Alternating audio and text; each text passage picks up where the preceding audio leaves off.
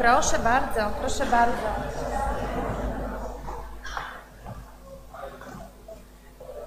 Tak. Dobrze, dobrze.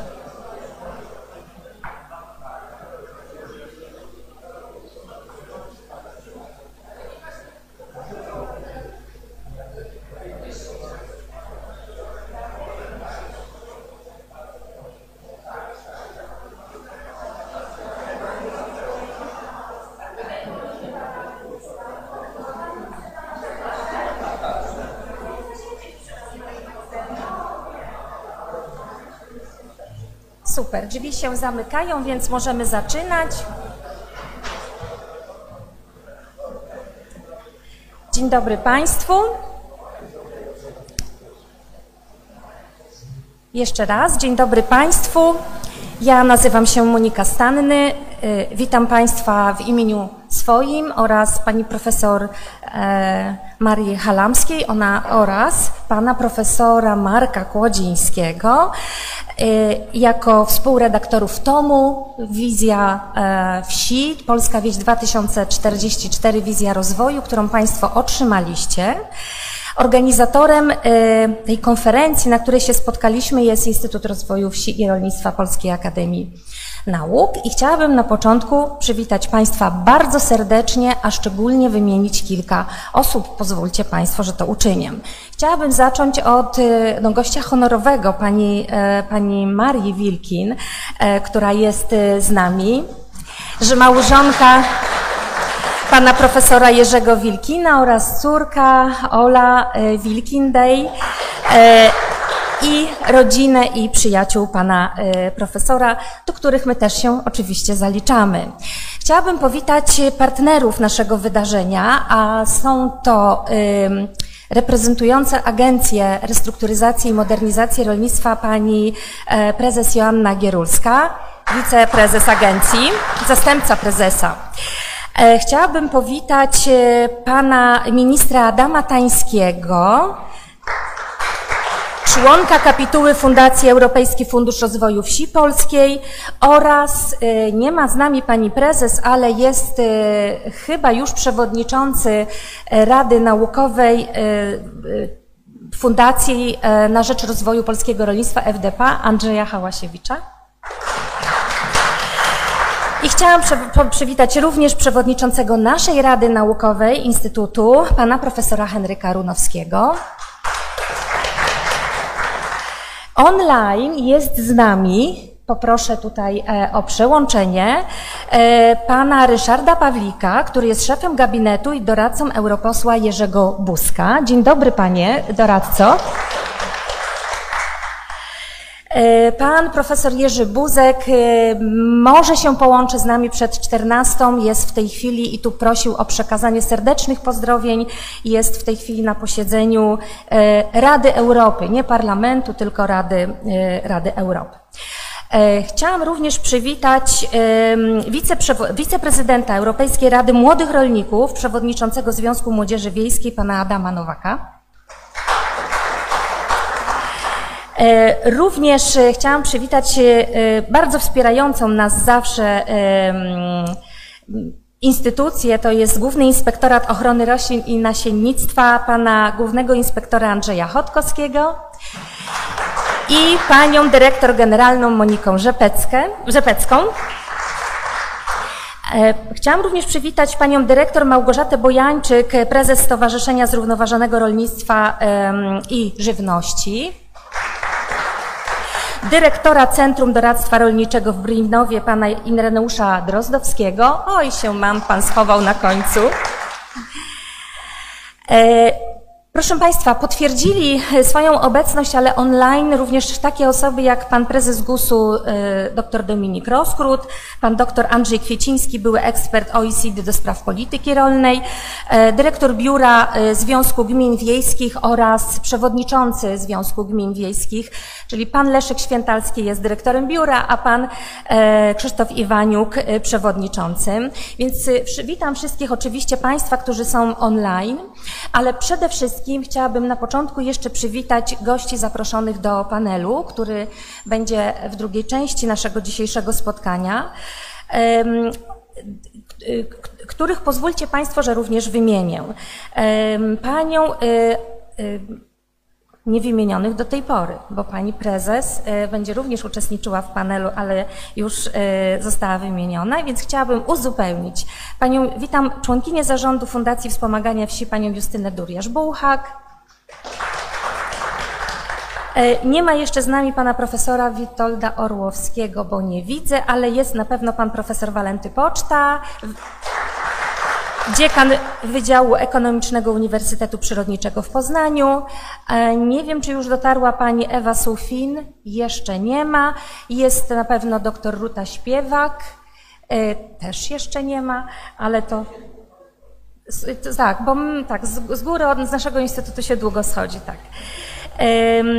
I są też z nami, proszę Państwa, przedstawiciele departamentów, ministerstw i urzędów. Y, zadeklarowali swoją obecność Ministerstwo Rolnictwa i Rozwoju Wsi, Ministerstwo Funduszy i Polityki Regionalnej, Główny Urząd Statystyczny oraz uczelni, Szkoła Główna y, Gospodarstwa Wiejskiego, Szkoła Główna Handlowa, Uniwersytet Warszawski, Jagielloński, Łódzki, Mikołaja Kopernika w Toruniu, Marii Skłodowskiej-Curie w Lublinie, Uniwersytet Rzeszowski, Warmińsko-Mazurski, Zachodniopomorski Uniwersytet Technologiczny, Technologiczny w Szczecinie jest na pewno online, Uniwersytet Zielonogórski, Uniwersytet Ekonomiczny w Poznaniu, Przyrodniczy w Poznaniu, Uniwersytet Rolniczy w Krakowie, Akademia Bialska imieniem Jana Pawła II jest również jest również z nami online i Akademia Pedagogiki Specjalnej imieniem Marii Grzegorzewskiej oraz instytuty, Instytut Ekonomiki, Rolnictwa i Gospodarki Żywnościowej, Instytut Upraw, Nawożenia i Gleboznawstwa, to są państwowe instytuty badawcze oraz Instytut Geografii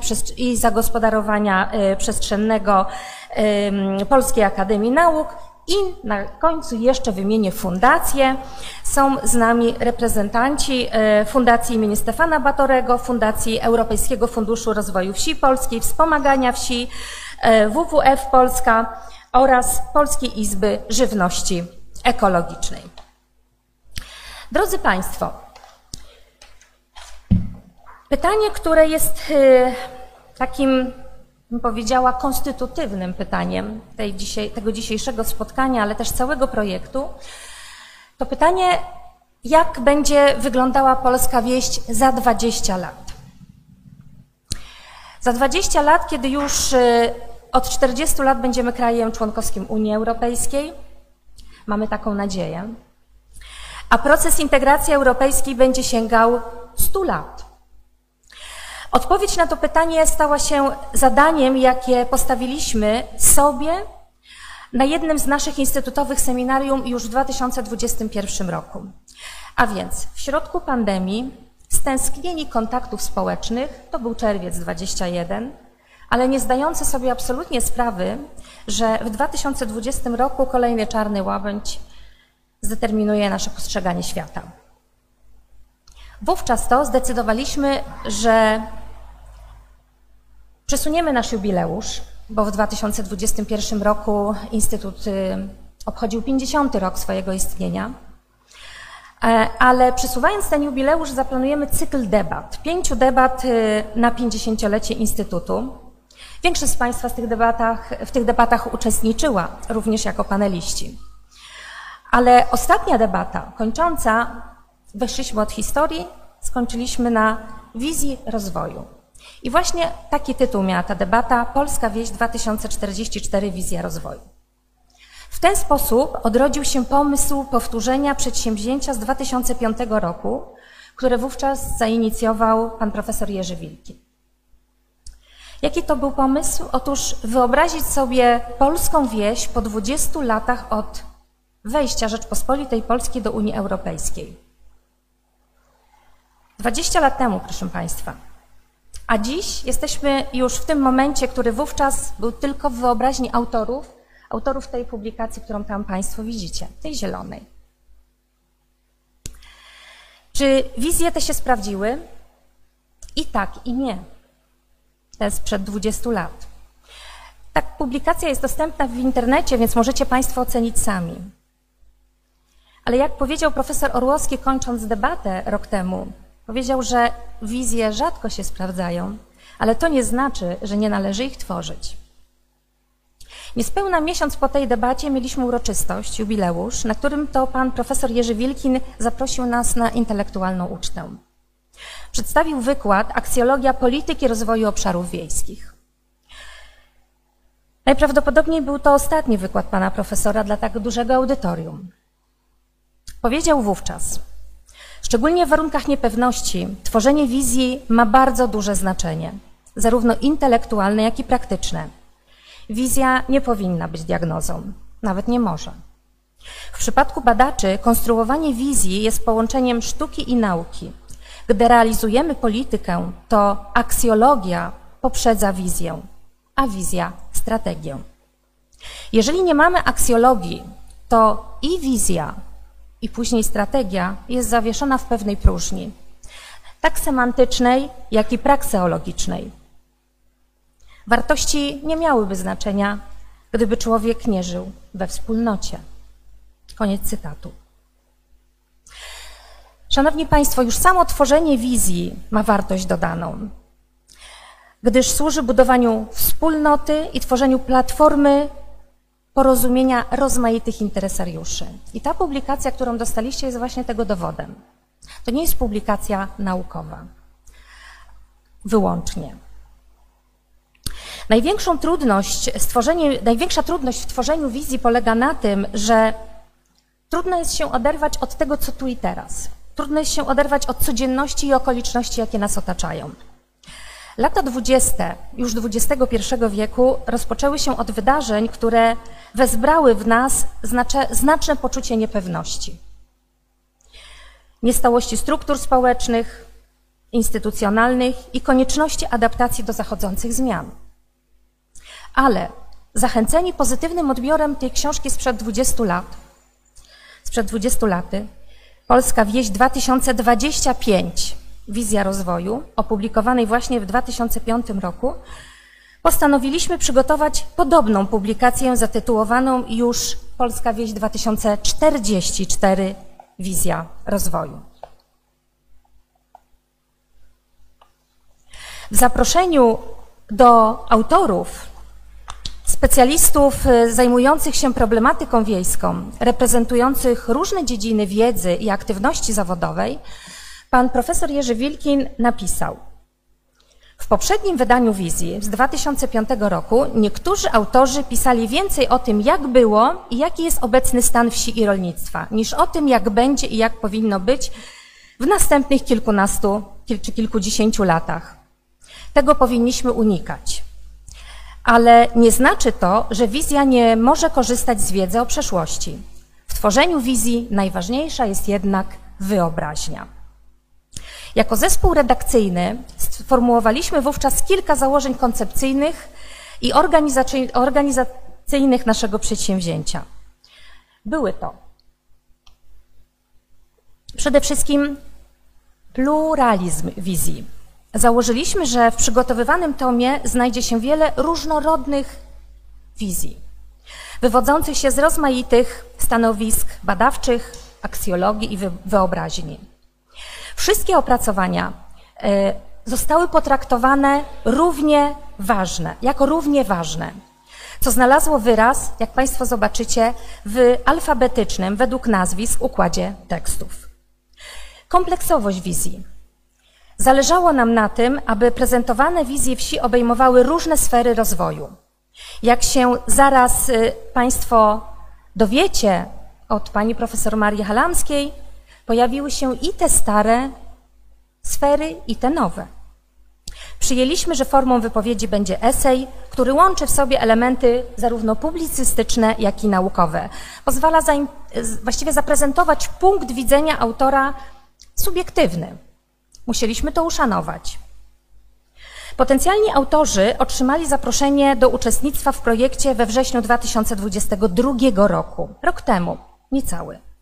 Termin publikacji i prezentacji był propozycją profesora Jerzego Wilkina. Powiedział, koniecznie, musi być to czerwiec 2023. Po 10 stycznia 2023 roku postanowiliśmy już bez profesora dokończyć to przedsięwzięcie.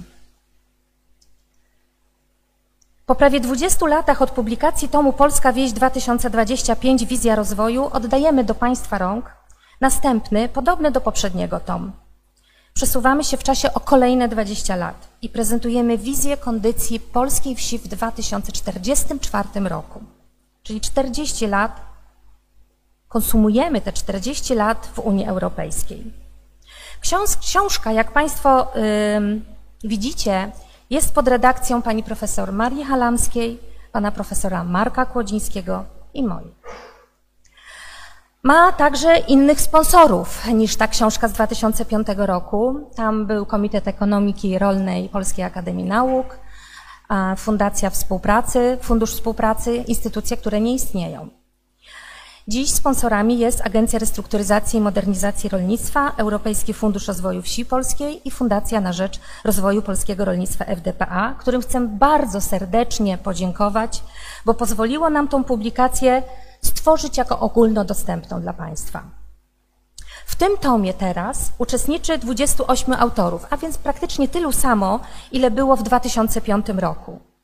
I udało nam się, poproszę Państwa, pozyskać siedmiu spośród tamtych autorów, którzy przyczynili się właśnie do, do powstania i poprzedniej, i tej publikacji. Jednak tylko jeden element udało nam się zostawić ten sam. Świadomie. To publikacja, to artykuł profesora Jerzego Wilkina o potrzebie i zasadach tworzenia wizji rozwoju. I chciałabym Państwu przetoczyć fragment z tego artykułu.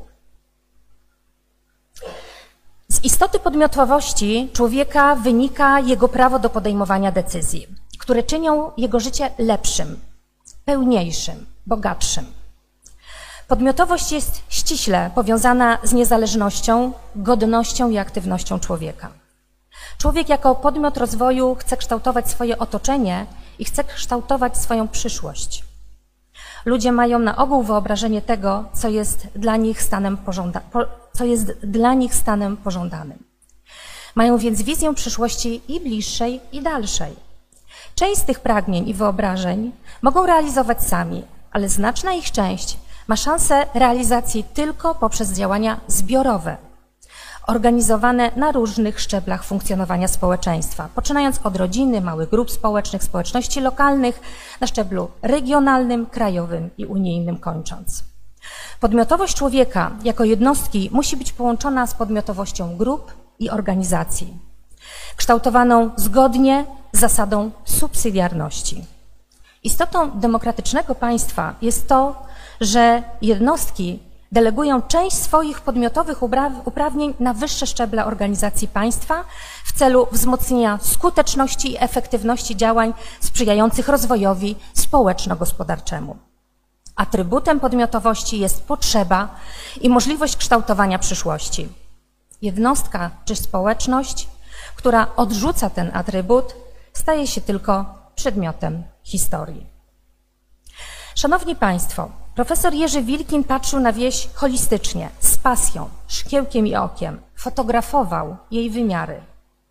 Także ten, jak zanika tradycyjna wieś. Dzięki żonie pana profesora, pani Marii Wilkin, która udostępniła nam serię zdjęć wykonywanych przez, wykonywanych, nie wykonanych, wykonywanych przez profesora przez 15 lat, możemy zobaczyć na zewnątrz, przy barierce utworzyliśmy taką mini galerię, jak pan, możemy zobaczyć, jak pan profesor próbował zatrzymać w fotografii to, co ulotne i materialne. Drodzy Państwo, chciałabym teraz przedstawić autorów wizji obecnych na sali oraz uczestniczących online, choć większość z nich jest na sali. Pozwólcie Państwo, że odczytam. Autorzy wizji 2023, wizji na 2024 rok to pani Urszula Budzich-Tabor, pan Jerzy Buzek, pani Justyna Durjasz-Bułhak, pan Andrzej Hałasiewicz, pan Andrzej Kaleta, pan Witold Orłowski, pan Jerzy Plewa, pan Walenty Poczta, pani Elżbieta Raszeja, pan Włodzimierz Rębisz, pani Ewa Sufin, pan Adam Tański, pan Ryszard Wilczyński, pan Józef Zegar i pan Jerzy Plewa. Ale ym, oczywiście wyczytałam wcześniej, ale akurat y, wchodzi, to udało się przedstawić.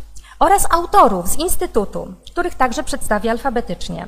Pan Mirosław Drygas, pan Grzegorz Gorzelak, pan Jakub Jasiński, pan Sławomir Kalinowski, pan Ryszard Kamiński, jako pracownik Instytutu, pan Łukasz Komorowski, pani Aleksandra Pawłowska, pan Andrzej Rozner, pani Ruta Śpiewak, pani Barbara Wieliczko, pani Dominika Zwęglińska-Gałecka, pani Maria Halamska, pan Marek Kłodziński i ja, Monika Stanny.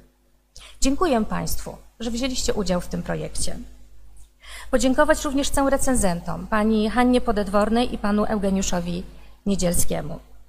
W imieniu swoim, pani profesor Marii Halamskiej i, nie, inaczej powiem, w imieniu swoim i pana profesora Marka Kłodzińskiego szczególnie dziękuję pani profesor Marii Halamskiej za wsparcie, za wsparcie nas w tym niezwykle inspirującym projekcie. Jak Państwo wiecie, e, my mamy już doświadczenie e, razem współpracować, razem współtworzyliśmy ten wspaniały projekt jak 100 lat rozwoju polskiej wsi razem z profesorem Wilkinem, z panią profesor Marią Halanską przy dużym, przy dużej pomocy organizacyjnej pana profesora Marka Kłodzińskiego. Teraz poproszę panią profesor Marię Halamską o prezentację treści tomu Polska Wieś 2044 Wizja Rozwoju. Dziękuję.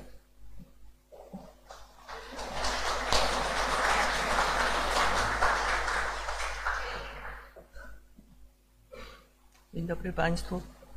Mm, Wszystko miałam przygotowane do tego przemówienia, ale pani Monika wszystko popsuła, bo mnie wytrąciła e, z takiego skupienia. Ale postaram się pozbierać, ponieważ e, myślałam, jak Państwu przedstawić tę książkę, której jestem współautorką, współredaktorką i chciałabym być jeszcze taką konstruktywną krytyczką tego, tego dzieła. Znaczy, zdarzają się sytuacje, kiedy współ, współautorstwo i szybka krytyka wytworzonego dzieła mają miejsce. To się nazywa nowelizacją. W tym przypadku byłyby tylko poglądy. Zdarzają się i mieliśmy okazję przekonać się o tym w ubiegłym tygodniu. Jedynym wyjściem, to żeby człowiek wyszedł z sytuacji z twarzą, to pozostał mi tylko aplauz. Aplauz dla naszego dzieła, czyli uznanie, zadowolenie lub zachwyt wyrażane publicznie i głośno. W naszej kulturze aplauz wyrażany jest oklaskami. Tu posłużę się słowem. Najpierw podstawowe informacje o książce. Ja uważam, że ta książka jest w sam raz. Ma 192 strony. Zapełniło je 26 esejów, nie, niezbyt długich, średnio 7 stron na jedną publikację, które poprzedza je wstęp zatytułowany Wizje po przejściach, a kończy epilog Pewna jest tylko zmiana. Tytuł wstępu przywołuje czas, w jakich wizje były tworzone. Epilog wyraża niepewność jutra. I nie idzie tu tylko moim zdaniem o kokietowanie czytelnika się, asekuracyjnymi stwierdzeniami, że na ogół wizje się nie sprawdzają, gdyż przewidywanie przyszłości jest trudne, jak mówił Niels Bohr. Mnie chodzi o potencjał tkwiący w słowie rewolucja, które pojawiło się w tytule jednego opracowania. nawet jeśli ona jest cicha. To słowo, dla tego słowa charakterystyczne są dla tego zjawiska, jakim jest rewolucja, procesy żywiołowe, których kierunek jest trudny do przewidzenia. Jeszcze słowo o 27 osobach autorskich. Zbliżyliśmy się tutaj, wśród nich są znakomici naukowcy, praktycy, politycy. Zbliżyliśmy się tutaj do parytetu płci, gdyż żeńskie osoby y, autorskie, 10 w sumie osób, stanowią 40% wszystkich, wszystkich autorów. Warto tu jeszcze odnotować, o czym mówiła również pani Monika Stanny, że wśród autorów esejów są także ci, którzy napisali i opublikowali swoje wizje 20 lat temu.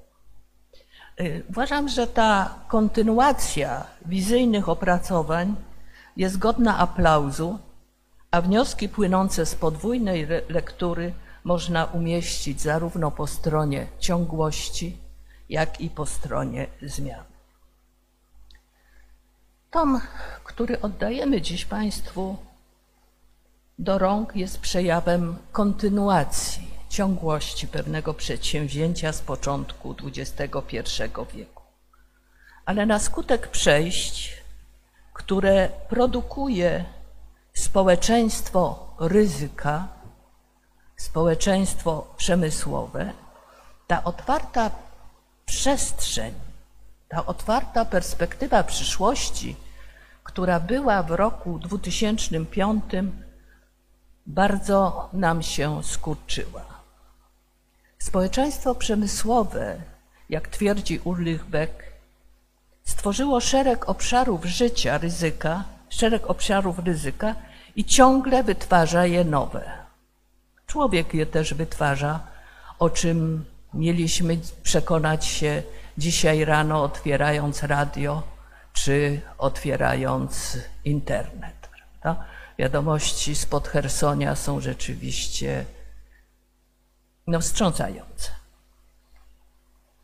Istnieją takie opracowania, które klasyfikują te ryzyka, mówią, jak ono jest ważne, jak ono jest bliskie, jakie konsekwencje ono może, ono może wywołać.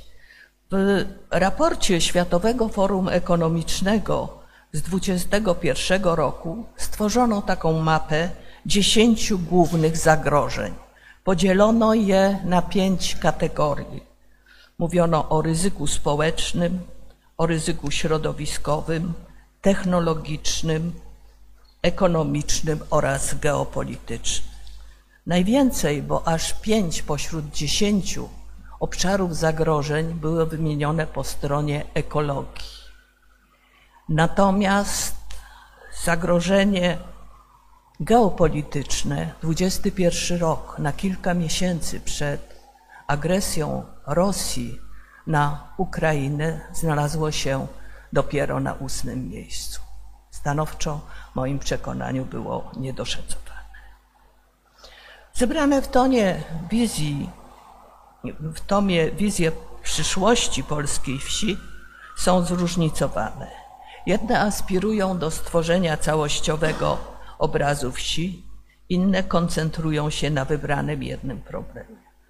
Można je w różny sposób klasyfikować według metod opracowania, ale bardzo ważne byłoby ich podzielenie czy zastanowienie się nad tym, jakie wartości za nimi stoją, jakie wartości my, autorzy tych wizji, reprezentujemy, jakie wartości my proponujemy wsi.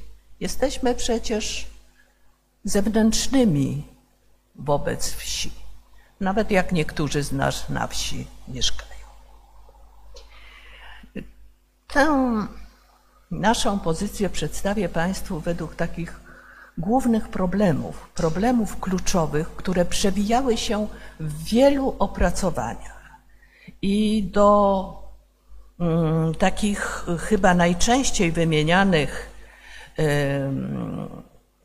wizji zagrożeń są, jest demografia, która zawsze jest y, ważnym elementem myślenia o przyszłości. Przypomnę Państwu, że przed 100 lat planiści społeczni, czyli na początku XX wieku, kłopotali się i martwili się przeludnieniem wsi. Pojawiały się takie dosyć nawet, jakby tu powiedzieć, zabawne pomysły. Takim pomysłem było stworzenie w Brazylii polskiej kolonii. Nawet był fundusz specjalny, miało Ministerstwo Spraw Zagranicznych. Dziś problemem jest spadająca liczba mieszkańców Polski, problem, który występuje w innych krajach tego regionu. Ten problem pojawił się jako efekt zmian społeczno-ekonomicznych określanych mianem drugiego przejścia demograficznego, co jeszcze dość skutecznie wzmocnił brak polityki demograficznej, odpowiedniej polityki demograficznej. Jak wynika z prognoz za naj, dla najbliższych dla 20, za 20 lat, liczba, fizyczna liczba ludności raczej niewiele się zmieni, ale zajdą tam różne procesy. Po pierwsze, będzie to ludność starsza, co ma swoje konsekwencje, i po drugie, co jest optymistyczne, będzie ludność pracująca, lepiej wykształcona. I trzecia cecha, że nasilenie tych dwóch cech na skutek wewnętrznych procesów migracyjnych będzie przestrzennie zróżnicowane. Nastąpi koncentracja ludności na obszarach wokół miejsc centralnych i pustoszenie obszarów peryferyjnych. Pojawią się w związku z tym braki rąk do pracy oraz duże obciążenie pracujących ludnością bierną zawodową. Wszystko to odbywać się będzie w szczególnym kontekście, kontekście globalnych ruchów migracyjnych. Polska znajduje się w ich orbicie i od tego nie ucieknie. I tutaj pozwolę sobie na taką refleksję po lekturze tych wszystkich tekstów, no także swojego, że zabrakło nam wyobraźni, nam piszącym, w jaki sposób migranci, zwłaszcza z obszarów kulturowo obcych, zostaną włączeni w funkcjonowanie społeczności wiejskiej. Zapewne nie będą oni tylko sezonowymi robotnikami rolnymi, ale także zatrudnieni zostaną w, na przykład w usługach socjalnych.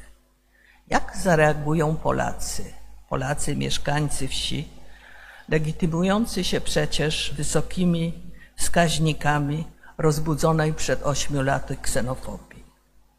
Czy nie starczyło nam wyobraźni, czy odwagi, żeby o tym napisać? Drugi, równie obszerny pakiet różnych problemów wiąże się ze zmianami klimatu i problemami ekologicznymi. Nie dziwi to, bo każda wizja jest dzieckiem określonego czasu, bo czas nam poszerza wyobraźnię, wyobra konfigurację wyobrażonych możliwości. Pozycje problemów ekologicznych wzmacniają odczuwane już dziś ich skutki. Do ludzkiej wyobraźni dociera wizja możliwej apokalipsy.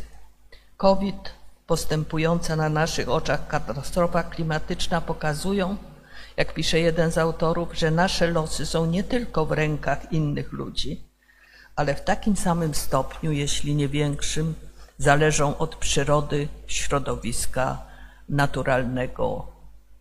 Dostrzeżenie tego, że świat jest konstruowany i rekonstruowany również przez aktorów pozaludzkich, w tym wirusy i mikroby, że jesteśmy powiązani ze sobą i zależni od siebie, pozwala nam zrozumieć, że w myśleniu o przyszłości musimy uwzględniać możliwości i ograniczenia natury, środowiska, a także technologii.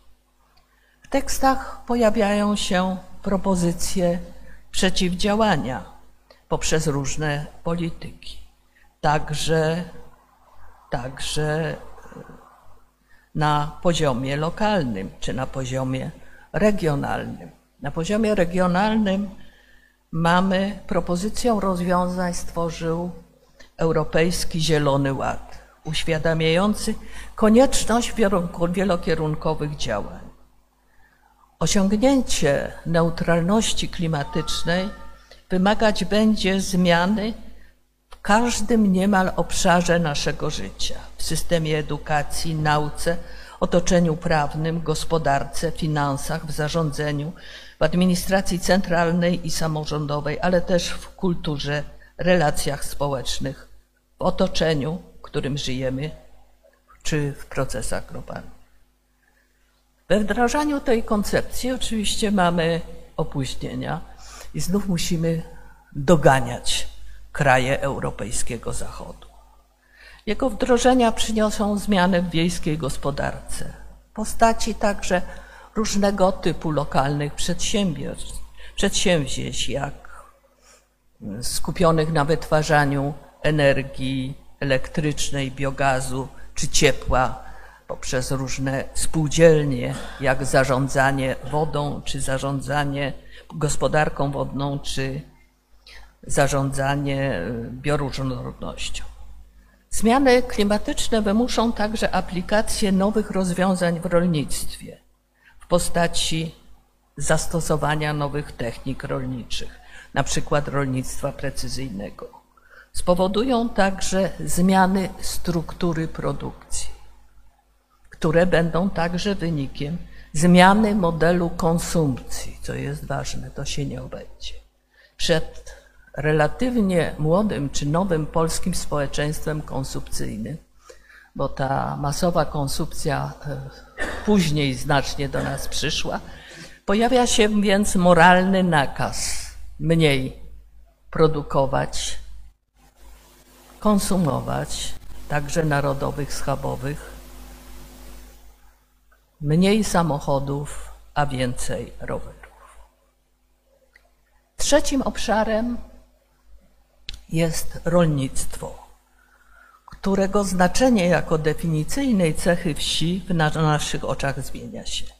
Chociażby ze względu na konieczność zmian naszego stosunku do natury.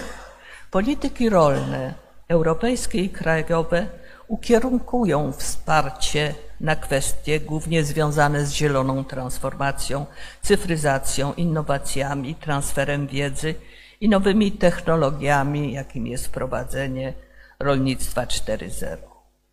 W tym kontekście rolniczym staje się wyzwaniem w skali globalnej staje się wyżywienie rosnącej populacji światowej. Polska powinna w tym uczestniczyć. Kluczem jest tu struktura agrarna, która determinuje właściwą gospodarkę ziemią. Konieczne jest zwiększenie udziału gospodarstw dużych. W nich bowiem możliwe są do zastosowania nowoczesne metody i technologie produkcji, nazywane rolnictwem precyzyjnym. Te zmiany wymusi także mm, kurcząca się liczba gospodarstw, co będzie tak przejawem dezagraryzacji, jak i koncentracji ziemi. Pod względem form organizacji dominować będą gospodarstwa rodzinne w dwóch odmianach. Farmerskie, które będą dawać produkcję i drobne, pomocnicze, hobbystyczne, które dominować będą liczebnie. Jest dość pewne, że rolnictwo będzie ważnym, choć już nie dominującym elementem gospodarki wiejskiej. Zauważalne są także społeczne i kulturowe aspekty dezagraryzacji.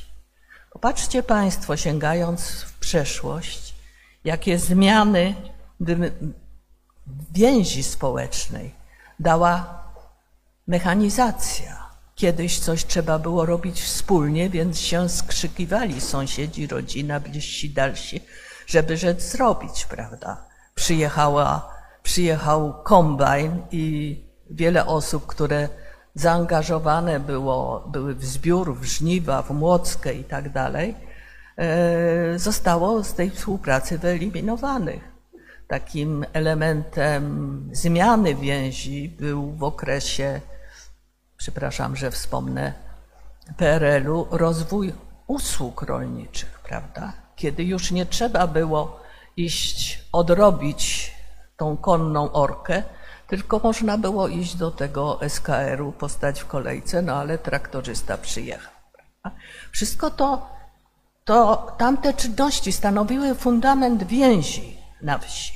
Teraz ich nie ma, prawda? Musimy się zastanowić, na czym ta więź będzie bazowała, na czym się będzie opierała. Czy tylko wymyślimy tyle, że powinni być, powinniśmy być dla siebie dobrzy, to trochę, to trochę za mało. Trzecie, nie, to już jest czwarte, przepraszam. Już niedługo kończę.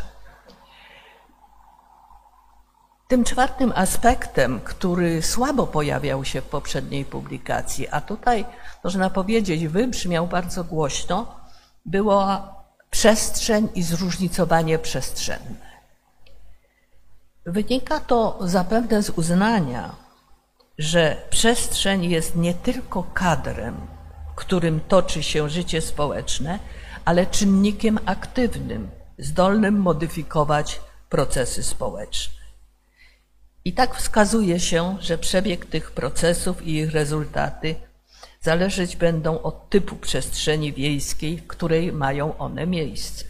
Inaczej wskazywane jest zróżnicowanie wsi, wskazywane jest tu zróżnicowanie wsi na osi centrum-peryferię. Mówi się o wsi okołometropolitarnej, o wsi peryferyjnej, o wsi klasy średniej, które różnią się charakterem gospodarki, miejscem rolnictwa, typem stosunków społecznych, rytmem życia społecznego. Na kontinuum miasto-wieś pojawią się takie twory jak miasto-wieś, które formę przyjmą także węzłowe wsie, gdy peryferyjne wsie stają, staną się wsiami niszczejącymi, wyludniającymi się. Zapytać należy przy takim zróżnicowaniu, czy idea Smart Village, czyli takich wiosek, które wykorzystują technologie cyfrowe i innowacje na co dzień, będzie miała zastosowanie. Jakie zastosowanie? Co ona będzie pokazywać? Czy ona będzie sprzyjać różnorodności, czy ujednoliceniu? Czy będzie pokazywać tylko regionalną kuchnię, czy może także niepowtarzalne struktury przestrzenne, których zakodowane są zjawiska naturalne, procesy historyczne oraz symbole i znaczenia kulturowe. Ta wieś starsza o 20 lat może być także wsią odrodzoną, a na pewno wtedy stanie się ona obiektem pożądania dla poszukujących istniejących, ale i wydumanych zalet życia wiejskiego. I ostatnia rzecz, o której nie będę wiele mówić, bo nie jestem wielką specjalistką w tej materii, dotyczy nowych, nowych technologii i sztucznej inteligencji. Te problemy nie pojawiły się niemal w 2005 roku. W 2023 wątek ten pojawia się często, ponieważ ta przyspieszająca rewolucja cyfrowa przeobraziła już naszą codzienność. I nie możemy sobie wyobrazić życia bez telefonu komórkowego, e, internetu, komputera, aplikacji mobilnych, mediów społecznościowych. Ostatnio doszła nam możliwość korzystania ze sztucznej inteligencji, która może stać się podstawą tak zwanego internetu rzeczy, prawda? Łączących różne ludzi i rzeczy i urządzenia. No to komunikacja elektroniczna umożliwia śledzenie naszym gościom przed swoimi laptopami czy komputerami naszych obrad bez możliwości czy konieczności przemieszczania się w przestrzeni. Czyli możliwe są także innowacje, innowacje, które powiążą usługi opiekuńcze, transport, czas wolny. Otwiera to nowe perspektywy, ale też rodzi nowe obawy, wskazując na potencjalne obszary nowego ryzyka. Jaka zatem będzie wieś za 20 lat? Jak ją sobie wyobrażamy? Niedawno wysłuchałam interesującego wystąpienia doktora Heinera Grünerta z Uniwersytetu w Bazylei. Analizował on różne opracowania na temat przyszłości wsi w Polsce i Jugosławii w latach 1910-1940, a więc 100 lat temu. Stwierdził on, że w modernizacyjnych projektach tamtego czasu dominowało holistyczne podejście do wsi. Przedstawiano mocne argumenty na rzecz jej odmienności od miasta, argumenty na rzecz emancypacji społeczno-politycznej ludności wiejskiej. Były one, jak stwierdza Grunert, nasycone ambiwalentnym romantyzmem, a społeczne utopie rodem z XIX wieku umożliwiały uzgodnienie interesów zbiorowych i indywidualnych. Jakie cechy znaleźlibyśmy w wizjach z początku XXI wieku? Czy wieś tu w nich traktujemy nie jako jakiś twór autonomiczny, lecz jako różnorodną i zróżnicowaną część społeczeństwa globalnego, nie tylko narodowego. Myślę, że te nasze wizje są niestety pozbawione romantyzmu, choć nie ambiwalencji. Są nasęcane zamiast tego romantyzmu potencjalnymi możliwościami technicznymi i technologicznych innowacji. Natomiast trudne są do wyobrażenia zmiany, jakie te technologiczne innowacje przyniosą w stosunkach społecznych, w więzi społecznej, w rodzinie, w kondycji moralnej i psychicznej jednostki. Jak znów odwołam się do dwóch tytułów i powiem, że cicha rewolucja będzie trwać, ale pewna jest tylko zmiana. Jej kierunek niekoniecznie. Dziękuję Państwu bardzo.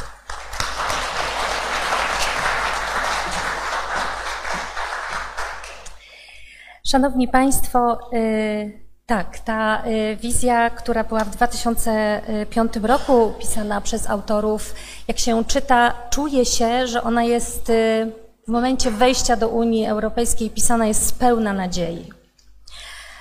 Tą wizję, jak pisaliśmy, byliśmy zdeterminowani okolicznościami i ona jest bardziej pełna obaw niż nadziei. Ale to nie znaczy, że nadziei tam nie ma.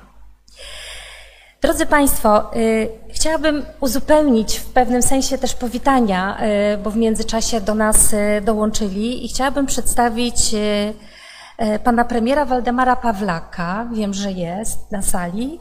Dzień dobry. Pan prezes obecnie Zarządu Głównego Związku Ochotniczych Straży Pożarnych. Chciałam przedstawić również pana posła mm, Sejmu, pana Ryszarda Wilczyńskiego.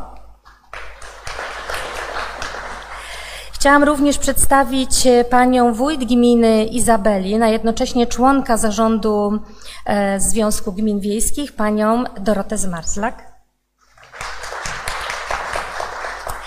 Również chciałam przedstawić, bo wchodził tutaj pana doktora Jerzego Plewę, byłego dyrektora DG Agri e, Komisji Europejskiej, dzisiaj reprezentanta Team Europe. Wszedł i wyszedł, ale jest pan profesor Witold Orłowski z Akademii Finansów i, i, i Biznesu Wistula. Dołączyła również pani Ewa Sufin. E, pani Ewo, jest Pani, tak, e, prezeska e, Fundacji Strefa Zieleni, Green Europe Foundation, Stowarzyszenie Kongres Kobiet. Dołączyła też Ruta Śpiewak od nas, czyli zdążyła zejść z drugiego piętra. Proszę Państwa, teraz chciałabym również przywitać i kończąc już te przywitanie, pana profesora Krzysztofa Gorlacha, który przyjął z Uniwersytetu Jagiellońskiego, który przyjął e, nasze zaproszenie do poprowadzenia e, tego panelu, który właśnie teraz rozpoczniemy. Panie profesorze, e, właściwie prawie że zgodnie z planem rozpoczynamy panel, który poprowadzi pan profesor Krzysztof Gorlach, a do panelu. Zapraszam Państwa, panią Joannę Gierulską, E, panią e, Justynę Duriasz-Bułhak, e, panią Ewę Sufin, zasiadajcie Państwo, zapraszam, panią doktor Rutę Śpiewak, pana profesora Walentego Pocztę, pana profesora Witolda Orłowskiego i pana posła Ryszarda Wilczyńskiego. I również e, z nami zdalnie łączy się e, pan Ryszard Pawlik. Poproszę e, techników o połączenie pana doradcę. Tak jak już powiedziałam, szef gabinetu i doradca europosła Jerzego Buzka. Zapraszam Państwa do debaty. Ja może poproszę tutaj kolegów, żeby odsunęli, żebyście Państwo bardziej widzieli. Mikrofony są do dyspozycji.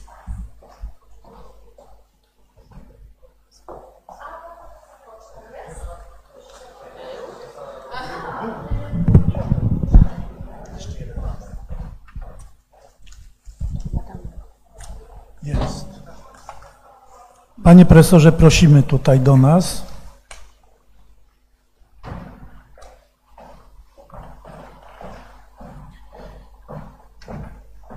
Dobrze, proszę Państwa, zatem zacznijmy nasz panel już bez zbędnych ceregieli. Wszyscy zostaliśmy przedstawieni. E, e, ponieważ dano mi pewną pulę swobody, e, jak ten panel zorganizować, ja sobie pozwoliłem zwrócić się do uczestników tego panelu, aby spróbowali dwukrotnie zabierając głos odpowiedzieć na dwa takie krótkie pytania. Pierwsze pytanie, czy pierwszy problem tak sformułowałem, czy prawie 20 lat obecności Polski w Unii Europejskiej zmieniło polską wieś zgodnie z tymi wyobrażeniami czy preferencjami, jakie każdy, każda osoba spośród Państwa posiada. Czyli czy są Państwo usatysfakcjonowani czy rozczarowani tym, jak się polska wieś um, głównie pod wpływem e, Unii Europejskiej zmieniła w ciągu ostatnich 20 lat i prosiłbym tutaj o krótkie, nie przekraczające pięciu minut wypowiedzi e, każdego z Państwa w kolejności takiej, że rozpoczyna pani Joanna Gierulska. Bardzo proszę. Dziękuję bardzo. Powiem szczerze, rzadko miewam tremę, a dzisiaj mam straszną tremę, ponieważ chyba jestem jedyną osobą, która tej wizji nie prezentowała w, tej, w książce zresztą bardzo ciekawej i Państwa, ale z drugiej strony mam tą przewagę, że ja sobie przejrzałam te Państwa eseje, eseje a Państwo nie wiedzą, co ja powiem. Chociaż może Państwo wiedzą coś innego niż napisaliście w tych, w tych esejach oczywiście, natomiast mogłam się zapoznać przynajmniej z tym, co postanowili, czym się postanowiliście podzielić tym, y, w tej książce.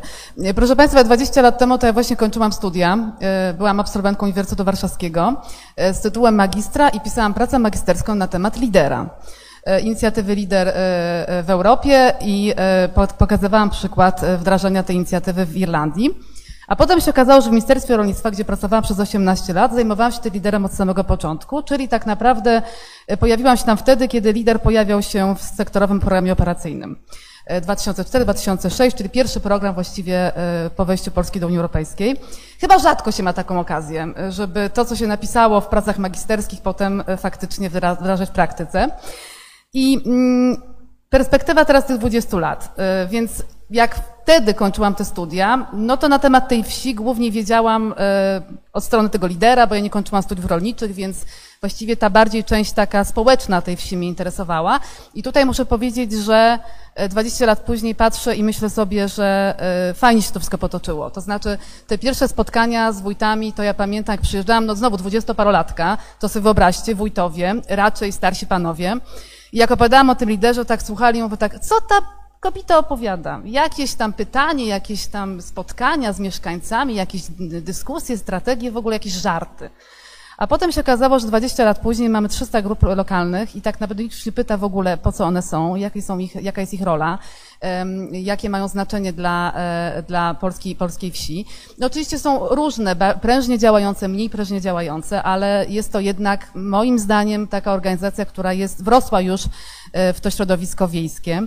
I mm, w związku z tym, że jestem raczej praktyk y, i, y, i, i, i niewiele jakby mam jakichś takich prac naukowych w swoim, w swoim dorobku, to posłużę takim przykładem, bo te lokalne grupy działania weszły nam te 20 lat temu y, i mm, i w mojej ocenie y, dały taki nowy impuls do rozwoju tej polskiej wsi. I y, przykład konkretny z Dolnego Śląska, to nie jest moje województwo, nie tam się urodziłam, ale to jest województwo, gdzie planuję spędzić starość, szczerze mówiąc, bo jest to województwo, które bardzo mi się podoba. I y, są tam takie góry kaczawskie, które jeszcze wcześniej, dawno, wiele, wiele lat temu, to się reklamował tylko tym, że są po drodze, Świeżawa jest po drodze do Śnieżki. W tej chwili to jest region super rozwinięty, turystycznie, fantastyczna współpraca lokalna. Y, a y, co jest ważne, to się y, w dużym stopniu zadziało dlatego, że była ta migracja też osób z miast, które powracały albo w ogóle przyjeżdżały w tamte tereny i tak naprawdę odkrywały ten potencjał, jaką polska wieś, polska wieś ma. Natomiast jeśli chodzi o rolnictwo, ostatni tutaj komentarz, bo, czyli ta, to wyobrażenie wsi od strony społecznej moim zdaniem się pięknie ziściło i to nawet z nawiązką. Natomiast jeśli chodzi o rolnictwo, to wydawało mi się, że będzie zdecydowanie większy postęp, jeśli chodzi o, e, o powiększanie tych gospodarstw, prawda? Tak naprawdę zmniejszyła się rzeczywiście znacząco ta grupa gospodarstw od hektaru do dwóch hektarów. Natomiast pozostałych te, te zmiany nie są aż takie, aż takie duże i to z perspektywy tej dwudziestolatki, jak patrzę sobie, to było dla mnie zaskoczeniem. Wydawało mi się, że to będzie takie oczywiste, że ta zmiana pójdzie w tym kierunku. Okazało się, że przywiązanie do ziemi i do tych gospodarstw jest zdecydowanie większe niż y, mnie się wtedy wydawało. No i temat, który w ogóle nie istniał w moich wyobrażeniach, a teraz jest bardzo y, na czasie i po prostu dotyka każdą sferę naszego życia, to są oczywiście zmiany klimatu. Wtedy w ogóle się o tym nie myślało, więc zupełnie jakby y, w swoich wyobrażeniach rozwoju wsi nie brałam, nie brałam tego pod uwagę. E, także tak krótko może taki, te, taki komentarz. Mam nadzieję, że się zmieściłam w tych pięciu minutach. Bardzo. Dziękuję bardzo y, y, też za właśnie y, czasowy reżim. Kolejna nasza panelistka, pani Justyna Duriasz-Bułhak. Bardzo proszę. Dziękuję bardzo. Ja proszę mi przerwać, jeśli będę za długo mówiła, bo nie mam jak sobie tutaj tego zegarka ułożyć. Wspaniale. Ja nawiążę do lidera. E, bo e, pytanie, które nam zadali e, organizatorzy sesji, takie sformułowanie pada zgodnie z wyobrażeniami i preferencjami. Pomyślałam sobie, co to dla mnie znaczy. Dla mnie to by było chyba aż zgodnie z marzeniami. I ja nie miałam ich bardzo dużo. Nie studiowałam rolnictwa, y, jestem z wykształcenia historyczką. Y, y, losy mnie rzuciły do Fundacji Wspomagania Wsi już ponad 20 lat temu. I pamiętam, jak duże nadzieje wiązałam z liderem, bo stało się tak, że u progu już parę miesięcy po wejściu Polski do Unii Europejskiej byłam na konferencji w Kork. To nie była ta pierwsza słynna konferencja, tylko jakaś kolejna. Ale tam byli no, to wszystko było wokół lidera i o liderze. Y, z nowych krajów członkowskich były tylko trzy osoby z Polski i dwie osoby z Estonii. Ja się bardzo dziwiłam, dlaczego tak dziwnie. Y, dużo dowiedzieliśmy się wtedy z moim kolegą z Fundacji Wspomagania Wsi o tym, jak ten lider y, funkcjonuje w Irlandii, ale też w innych krajach, różne modele, we Włoszech tak, we Francji inaczej. Pamiętam, że wyjechałam z tej konferencji uniesiona pół metra nad, nad ziemią, myśląc sobie, jejej, będzie wspaniale. E, teraz tyle inicjatyw, które my jako Fundacja Wspomagania Wsi e, finansujemy w małej skali oddolnych działań związanych z, z kulturą lokalną, z jakąś aktywnością ekonomiczną, to wszystko załatwi nam lider. Tam będzie to morze tych pieniędzy, które te y, małe grupy, formalne czy nieformalne, będą w stanie y, użyć na to, żeby oddolnie, zgodnie z marzeniami ludzi i ich y, pomysłami, zmieniać te, te nasze polskie wsie. Niestety bardzo się rozczarowałam. Lider nie okazał się tym jakby to nie był lider y, ten irlandzki na pewno i to nie był y, lider z tych, z tych moich y, nadoptymistycznych wyobrażeń. Ale by nie było tak pesymistycznie, to mm, powiem, że ta, ta wieś tych 20 lat, chociaż ja widzę jakby początek w 89 roku, nie można abstrahować od tego, to, to wejście do Unii było no, etapem na pewnej drodze, która zaczęła się dużo wcześniej. I ale na pewno to, co y, bycie w Unii nam y, dało, to mm, pewne takie spojrzenie w tych perspektywach y, nie dwuletnich, nie następnych wyborów, tylko jednak dłuższych. I dzięki temu bardzo wiele rzeczy mogło się zmienić też w sferze społecznej. Ja myślę sobie o przedszkolach, które od mniej więcej roku 2006-2007 takie małe grupy przedszkolne zaczęły powstawać na wsi, e, najpierw w małej skali, potem, potem w coraz większej. To naprawdę bardzo duża, e, duża zmiana społeczna. Reforma edukacji, gimnazja, to, że te gimnazja mogły wyglądać tak, jak wyglądały, e, to też w dużej części mm, zawdzięczamy Unii już ich nie ma, ale, ale nastąpił pewien, pewien taki awans edukacyjny. Pytanie, czy to się y, wyrównało w stosunku do miast? No, no nie wyrównało się, ale powstał no jakby taki kierunek. Kontakty społeczne. Niby mm, myślimy sobie o Unii bardzo często, szczególnie myślę na wsi, w tych y, technicznych y, kategoriach. Nie, nie mówię tutaj o rolnictwie, to bardzo ważne, ale drogi, termomodernizacja budynków, oświetlenie ulic, chodniki, ale to takie czasem może nawet y, mm, z przymrużeniem oko myślimy o tych gminach partnerskich, o tych wyjazdach studyjnych, o tych grupach, które jeżdżą gdzieś i coś oglądają, przyjeżdżają do nas goście. A ja sobie myślę, że to bardzo zmieniło y, taki horyzont aspiracji. Pokazało, y, pokazało y, świat inny, ale podobny, do którego wieś polska, różne bardzo wsie mogą, mogą aspirować. I jeszcze jedna rzecz, może mm, pochodna technologii w gruncie rzeczy, a nie wstąpienia do, do Unii Europejskiej, ale włączenie naprawdę bardzo szybkie i y, powszechne w obieg y, kultury popularnej. To powoduje, że wieś, wsie są y, naprawdę coraz bardziej podobne do, do niewsi, do miasta, szczególnie jeśli chodzi o praktyki życia, ale też właśnie wracam do tych aspiracji wśród ludzi młodych, tak? I to jest coś, jakby no co, co się nie zmieni to, to jest kierunek y, w jedną, w jedną stronę. Zmieściłam się? Bardzo proszę. Oczywiście. Y, teraz powinien być pan profesor Orłowski, ale ponieważ go nie ma, będzie później, y, to w takim razie zwracam się do pana Ryszarda Pawlika, do naszego gościa online. Proszę pana, pańska pięciominutowa wypowiedź. Czekamy. Dzień dobry, witam Państwa bardzo serdecznie z Brukseli, z Parlamentu Europejskiego. Mam nadzieję, że mnie słychać i widać, chyba tak. E, bardzo dziękuję za zaproszenie i zacznę od przekazania serdecznych pozdrowień od pana premiera Buzka, który wiem, że robi wszystko, co, co w jego mocy, żeby być może dołączyć e, chociaż na końcówkę e, tego spotkania i włączyć się do debaty, także, także być może to się jeszcze dzisiaj wydarzy. E, jeżeli chodzi o to pytanie, które e, pan profesor był uprzejmy zadać. Ja odpowiem troszeczkę jak pani wiceprezes Gieruska, że ja być może też nie jestem najbardziej oczywistą osobą do odpowiadania na to pytanie, dlatego że wychowałem się w mieście na Górnym Śląsku, tam spędziłem większość życia, zanim przeprowadziłem się do Brukseli, ale myślę, że mimo wszystko chciałbym zwrócić Państwa uwagę, czy mogę zwrócić e, uwagę na dwie takie kwestie, dwa konteksty, które są być może troszkę mniej oczywiste, natomiast e, być może są istotne również w kontekście tej naszej dzisiejszej dyskusji.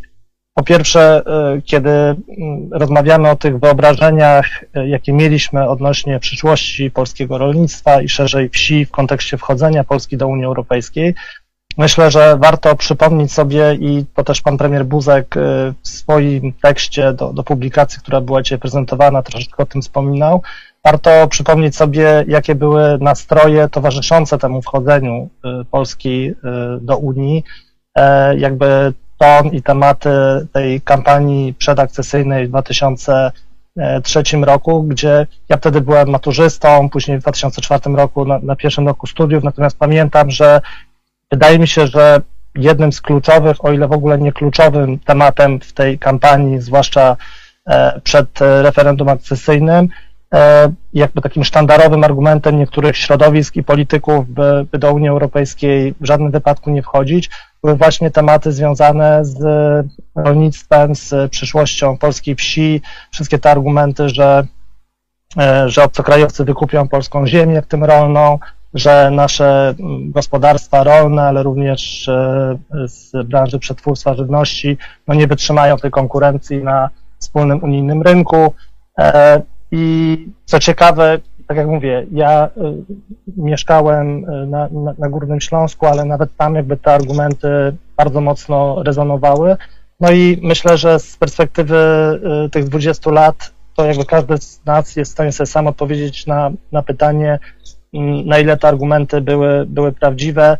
Wydaje mi się, że y, nie tylko y, rolnicy, polska wieś nie przegrali na tym wejściu Polski do Unii, ale wręcz być może okazali się jednymi z największych y, wygranych tego, tego członkostwa. I jakby druga sprawa z tym związana, dzisiaj, jeżeli mamy jakieś dyskusje, głos eurosceptyków, jakieś pomysły tu i tam, nie wiem, czy, czy należy nadal w tej Unii być, to właściwie te tematy związane z rolnictwem, wsią już obecne nie są w tej, w tej debacie. Tam są tematy związane z e, wspominaną polityką energetyczno-klimatyczną, jakimiś kwestiami światopoglądowymi, może praworządnością. Pewnie te tematy, jedne bardziej, drugie mniej, trochę bardziej rezonują e, negatywnie wśród mieszkańców i mieszkanek wsi i obszarów wiejskich, ale co do zasady, jakby już sama ta przyszłość i ten dobrobyt y, wsi nie jest tematycznie, jakby wychodzi w ogóle z zupełnie innych środowisk y, niż, y, niż wtedy przed wejściem Polski do Unii Europejskiej. To jest pierwsza, pierwsza uwaga, którą chciałem poczynić. A druga, oczywiście nigdy nie jest też tak, że, że nie ma problemów i wyzwań na przyszłość, że jakby wszystko, wszystko się udaje jakby polska, polska y, wieś, polskie rolnictwo, ale w ogóle szerzej y, obszary wiejskie w całej Unii Europejskiej nie są tutaj jakimś, myślę, wyjątkiem. I y, w grudniu ubiegłego roku Parlament Europejski przyjął rezolucję w sprawie takiej długoterminowej wizji dla obszarów wiejskich w Unii Europejskiej z horyzontem czasowym do 2040 roku, czyli właściwie bardzo podobnie do, do tego, mm, co jest tematem naszej konferencji dzisiaj i Państwa publikacji. I Parlament jakby uznał to za temat kluczowy, ponieważ, no jak wiemy, obszary wiejskie to jest ponad 83% całego obszaru Unii Europejskiej, zamieszkane przez ponad 30% obywateli i obywatelek wspólnoty. W Polsce ten odsetek jest nawet wyższy, bo to jest 40% ludności. I ta rezolucja, pewnie wielu z Państwa miało okazję się z nią zapoznać, jeżeli nie, to, to, to zachęcam. E, ona jest dość alarmistyczna w swoim brzmieniu i tam jest jakby cały szereg zidentyfikowanych problemów, przy czym mówię, jakby dotyczących nie tylko Polski, ale całej Unii Europejskiej, zapaść demograficzna, wyższe ryzyko ubóstwa i wykluczenia społecznego, oczywiście wspominana już presja klimatyczna i środowiskowa, e, gorszy dostęp do, do wysokiej jakości e, usług, od, od edukacji po, po opiekę zdrowotną, infrastrukturę drogową i tak.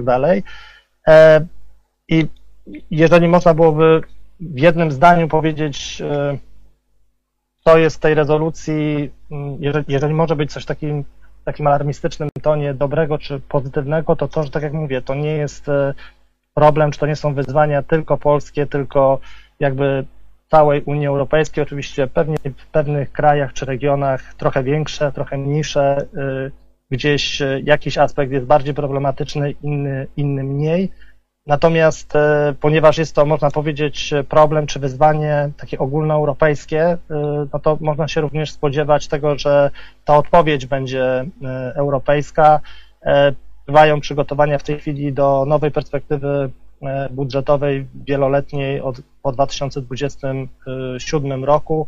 W przyszłym roku, jak wiemy, dokładnie, dokładnie dzisiaj, za rok, zacznie się jakby okres wyborczy do nowego e, Parlamentu Europejskiego, wybory między 6 a 9 czerwca. Później, pół roku później, jakby Polska, Polska, druga polska prezydencja w Radzie UE, więc myślę, że te będzie dużo okazji do tego, żeby te pytania o, o przyszłość i polskiej wsi rolnictwa i e, europejskiej wsi rolnictwa stawiać i też proponować swoje odpowiedzi na to.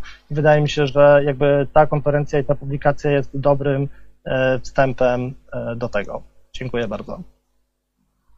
Dziękuję bardzo. Następ, następnego, proszę o zabranie głosu następnego panelistę, czyli pana profesora Walentego pocztę. Bardzo proszę. Dzień dobry. Dziękuję za zaproszenie. Ja w tej przygotowanej książce skupiłem się na komponencie y, rolnym wsi.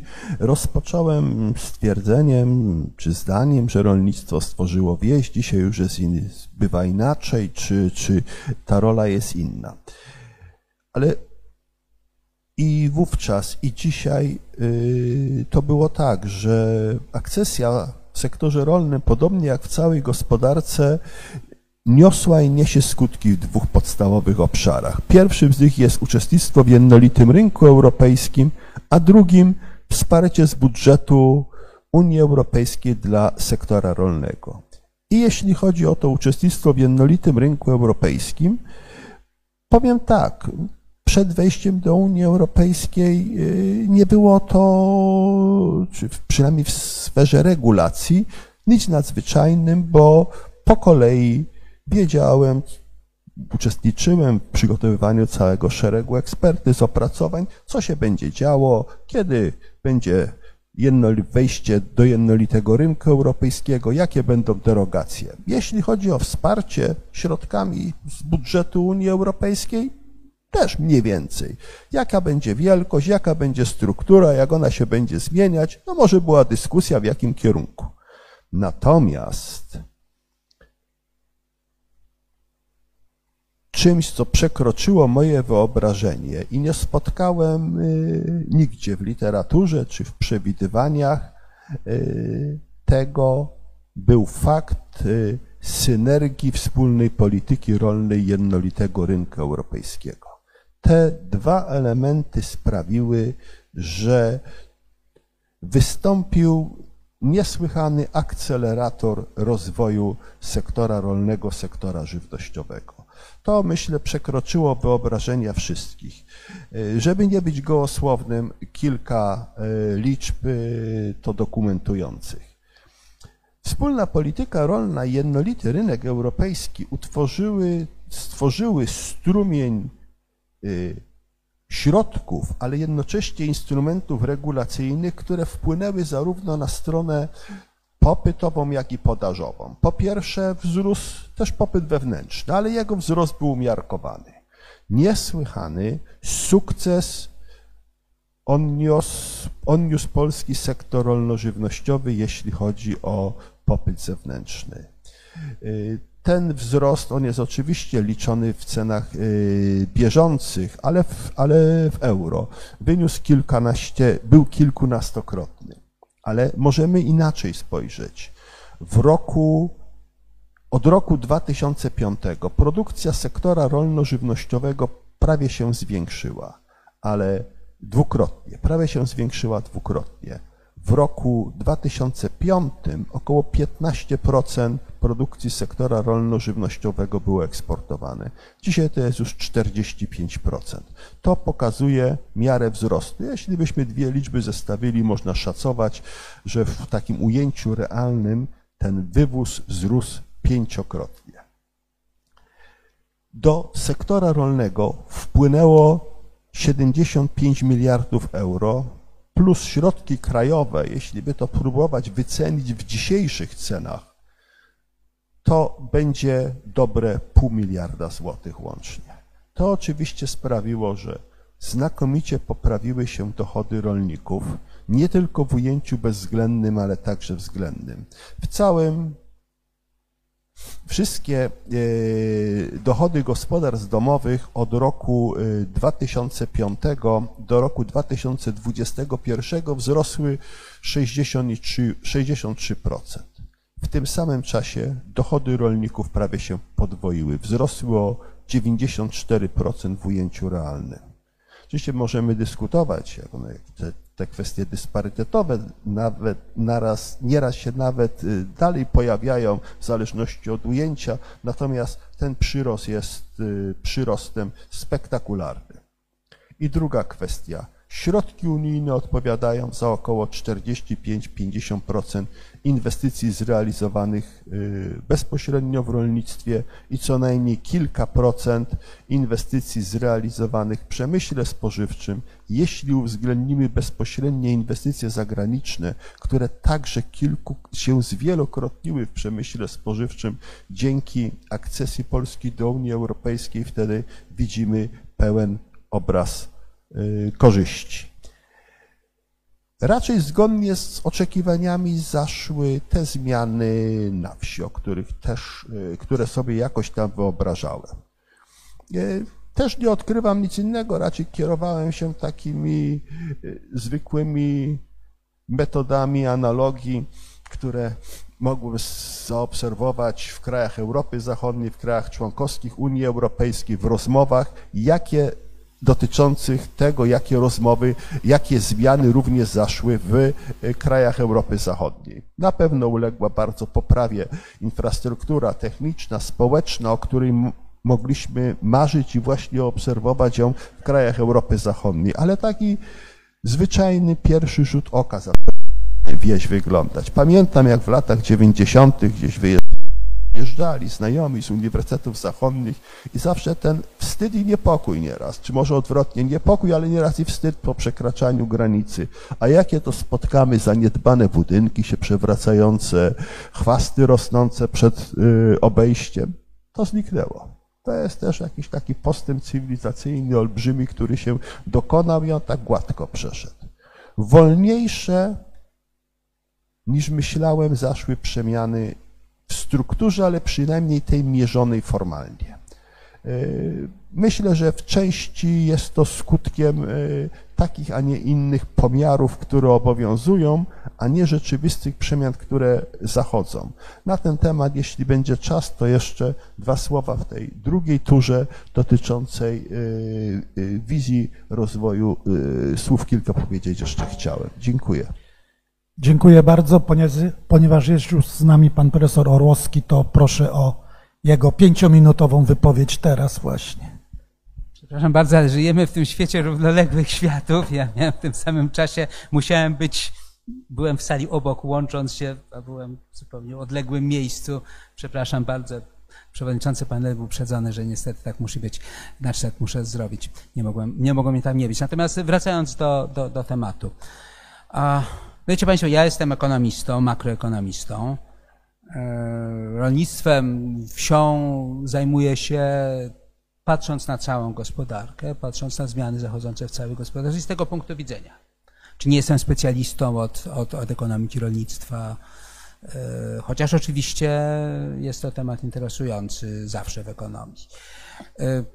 Polsce szczególnie ważny, bo kiedy pisaliśmy tę, ile to lat temu było, no prawie 20 lat temu tę, tę poprzednią wizję, e, no wtedy w Polsce było jeszcze kilkanaście procent zatrudnionych w rolnictwie. Już zatrudnionych, już, już odeszliśmy od tych e, fałszywych statystyk, że jest ileś milionów e, rolników, takich prawdziwych, no w sensie ekonomicznym, już zeszliśmy chyba wtedy do 11 czy 12%, no ale cały czas no to była jednak jedna dziesiąta pracujących Polaków. Cały czas zresztą jest sporo. I wtedy tak naprawdę główne pytanie, które ja sobie zadawałem, jest następujące. Jak szybko będą następować zmiany? Dlatego, że trzeba powiedzieć jedną rzecz. Rolnictwo miało wydajność pracy w porównaniu z innymi sektorami gospodarki na tyle, na tyle niską, że istniały ogromne możliwości wzrostu wydajności pracy w rolnictwie. I to jest zjawisko, które przecież wszędzie było na świecie, w miarę rozwoju gospodarek rynkowych następowały ogromne. My zawsze jesteśmy pod wrażeniem tego, jak, że ciągnącym gospodarkę, rozwój gospodarczy w tych idących do przodu gospodarkach była wydajność pracy, najpierw w przemyśle, potem w usługach, ale w rolnictwie ten wzrost wydajności pracy był tak naprawdę jeszcze wyższy.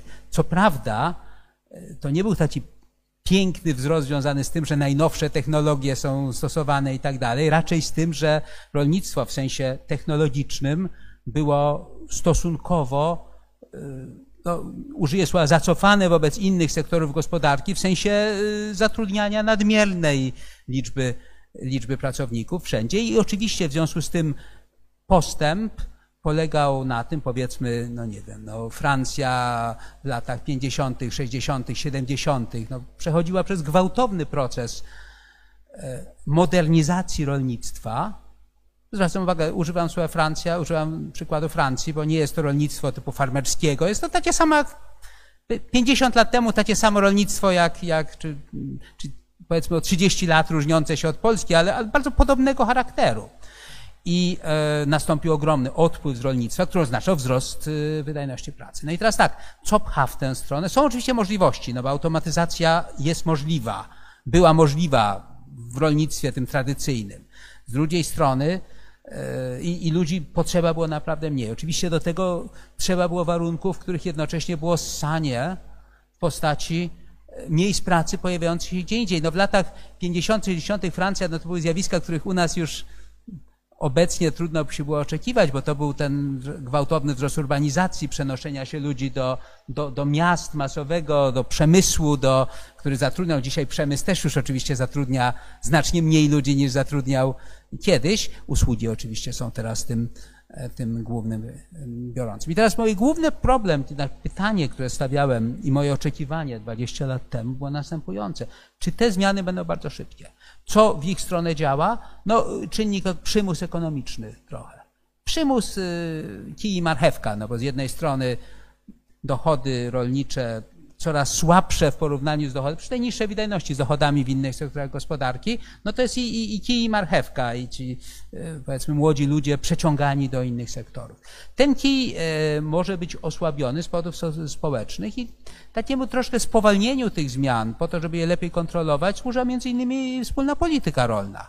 Ona oczywiście miała inne cele, ale generalnie jej celem było wygładzenie tej, po to, żeby to nie było tak, żeby to nie było bolesne dla rolnictwa, coś, co obiektywnie oczywiście służy wzrostowi wydajności pracy w rolnictwie, wzrostowi dochodów wiejskich, no ale wiąże się jednak z tymi zmianami. Ja pamiętam 20 lat temu, kiedy ja przedstawiłem e, takie, takie moje, to nie było wyliczenie, to było, takie, że już nie pamiętam dokładnie liczb, ale że najbliższe 20 lat to będzie znaczny spadek zatrudnienia w polskim rolnictwie, e, to wtedy, jak pamiętam, część przynajmniej e, dyskutujących mówiła, że mówię o niemożliwej do realizacji scenariusza. scenariuszu. Dlaczego? Bo w Polsce mamy 20% bezrobocie i dla rolników, dla odchodzących z rolnictwa nie ma i nie będzie żadnych miejsc pracy. Ja mówiłem na to spokojnie, to jest sprawa czasu. Prędzej czy później te miejsca pracy się znajdą. No i to rzeczywiście widzimy, no bo dzisiaj jesteśmy w kraju, w którym jest tak zwane zerowe bezrobocie. Czy zerowe nie oznacza, że jest arytmetycznie zero, tylko no, kto chce znaleźć pracę, chce się postarać, no to oczywiście bez kłopotu znajdzie. Czyli już nie mamy tego blokującego czynnika. I teraz tak, Czyli teoretycznie mogło się zdarzyć to, co mówiłem. Chyba mówiłem o spadku możliwym zatrudnienia przez 20 lat, nawet o połowę, porównując to z innymi krajami zachodniej Europy, gdzie coś takiego nastąpiło. E, zmiany się okazały wolniejsze. No między innymi dlatego, że ten, nie dlatego, że nie było miejsc pracy w reszcie gospodarki, no bo już przynajmniej od od, od pięciu, czy sześciu, czy siedmiu lat mamy już naprawdę mamy nadwyżkowy popyt na pracę w rejonach zurbanizowanych. Y, Tylko no, po części oczywiście tutaj ten hamujący trochę wpływ y, polityki, która zapewniła jednak polskim rolnikom no, dochód powiedzmy dwukrotnie z grubsza dwukrotnie wyższy niż wynikałby z samej działalności rolniczej, no to oczywiście spowolniło zmiany. Więc te zmiany były wolniejsze niż sądziłem, ale oczywiście idące w tę samą, w tym, w tym kierunku, którym, którym sądziłem i będę mówić w następnej turze, co myślę dalej o tych procesach. Bardzo dziękuję. E, Teraz proszę o wypowiedź panią Ewę Sufin. E, Dzień dobry Państwu. Ja jestem tutaj trochę tak z innej bajki, powiedziałabym, tak się poczułam. Bardzo dziękuję e, za zaproszenie mnie do tej niesamowitej przygody, jaką jest ta książka. Ja nie jestem naukowczynią, nie jestem rolniczką, nie, nie mieszkam na wsi, chociaż częściowo tak. Jestem, no nazywałabym się proekologiczną aktywistką y, którą zostałam w jakimś tam kolejnym rozdziale mojego życia. Nie, nie byłam nią kiedyś, prawda? Mieszkałam 25 lat we Francji, e, potem byłam 4 lata w Luksemburgu. Witam pana premiera, którego miałam przyjemność wozić, ponieważ byłam e, polską dyplomatką i przyjmowałam pana premiera w Luksemburgu w ambasadzie. E, e, Proszę Państwa, e, w 2004 roku, kiedy Polska wchodziła do Unii Europejskiej, ja trafiłam zupełnie przez przypadek na wykłady najlepszych francuskich klimatologów. Cité des Sciences de l'Industrie, to jest taki paryskie Centrum Kopernika, na wykłady na temat zmian klimatu. I to był taki długi, czteromiesięczny cykl otwartych wykładów klimatologów dla publiczności. Trafiłam przez przypadek i zostałam cztery miesiące. E, To, co się wtedy dowiedziałam w tym 2003-2004 roku, e, zmieniło moje życie i stwierdziłam, że mm, jest moim obowiązkiem zrobienie wszystko, co jest w mojej mocy, żeby e, zmieniać świadomość ludzi. Szczególnie e, moja diagnoza była taka, że od świadomości ekologicznej Polaków zależy los świata. Ponieważ Polska wetowała wtedy wszystkie polityki e, klimatyczno-energetyczne w Unii Europejskiej jako największy kraj z, naszego, z naszej części, części Europy, a jednocześnie Unia Europejska wydawała mi się wtedy jedynym blokiem geopolitycznym na świecie, który jest w stanie doprowadzić do zmiany paradygmatu i zmiany zachowań ludzi. W związku z tym, jak się skończył mój e, kontrakt w Luksemburgu, wygooglałam, wróciłam do Polski, sprzedałam wszystko we Francji, wygooglałam zielonych i zaangażowałam się w działalność e, e, polityczną i społeczną i trafiłam do Stowarzyszenia Kongres Kobiet, ponieważ moja diagnoza również na podstawie moich doświadczeń osobistych, ale również e, na podstawie badań naukowych była taka, że e, kobiety wszędzie, we wszystkich grupach wieku, we wszystkich środowiskach wy, wykazują większą niż mężczyźni wrażliwość na kwestie środowiska i ekologii. Się to, było to moim doświadczeniem, jak się zajmowałam społeczną odpowiedzialnością biznesu, gdzie e, właściwie były tam głównie kobiety, Y, I jak się zaczęłam zajmować zrównoważonym rozwojem, po prostu było to bardzo sfeminizowane. Na strajkach klimatycznych też dominują dziewczyny.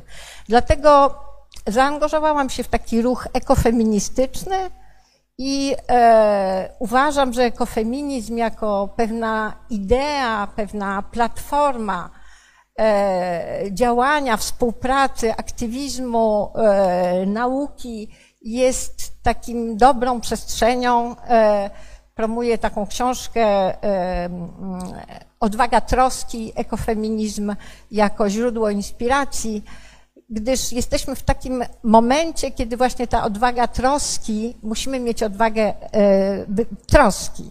Ja e, jem żywność ekologiczną po tych wykładach e, klimatycznych. Dowiedziałam się któregoś dnia od panów klimatologów, że wyprodukowanie jednego kilograma wołowiny emituje 11 razy więcej gazów cieplarnianych niż wy, wy, wyprodukowanie kilograma kurczaka.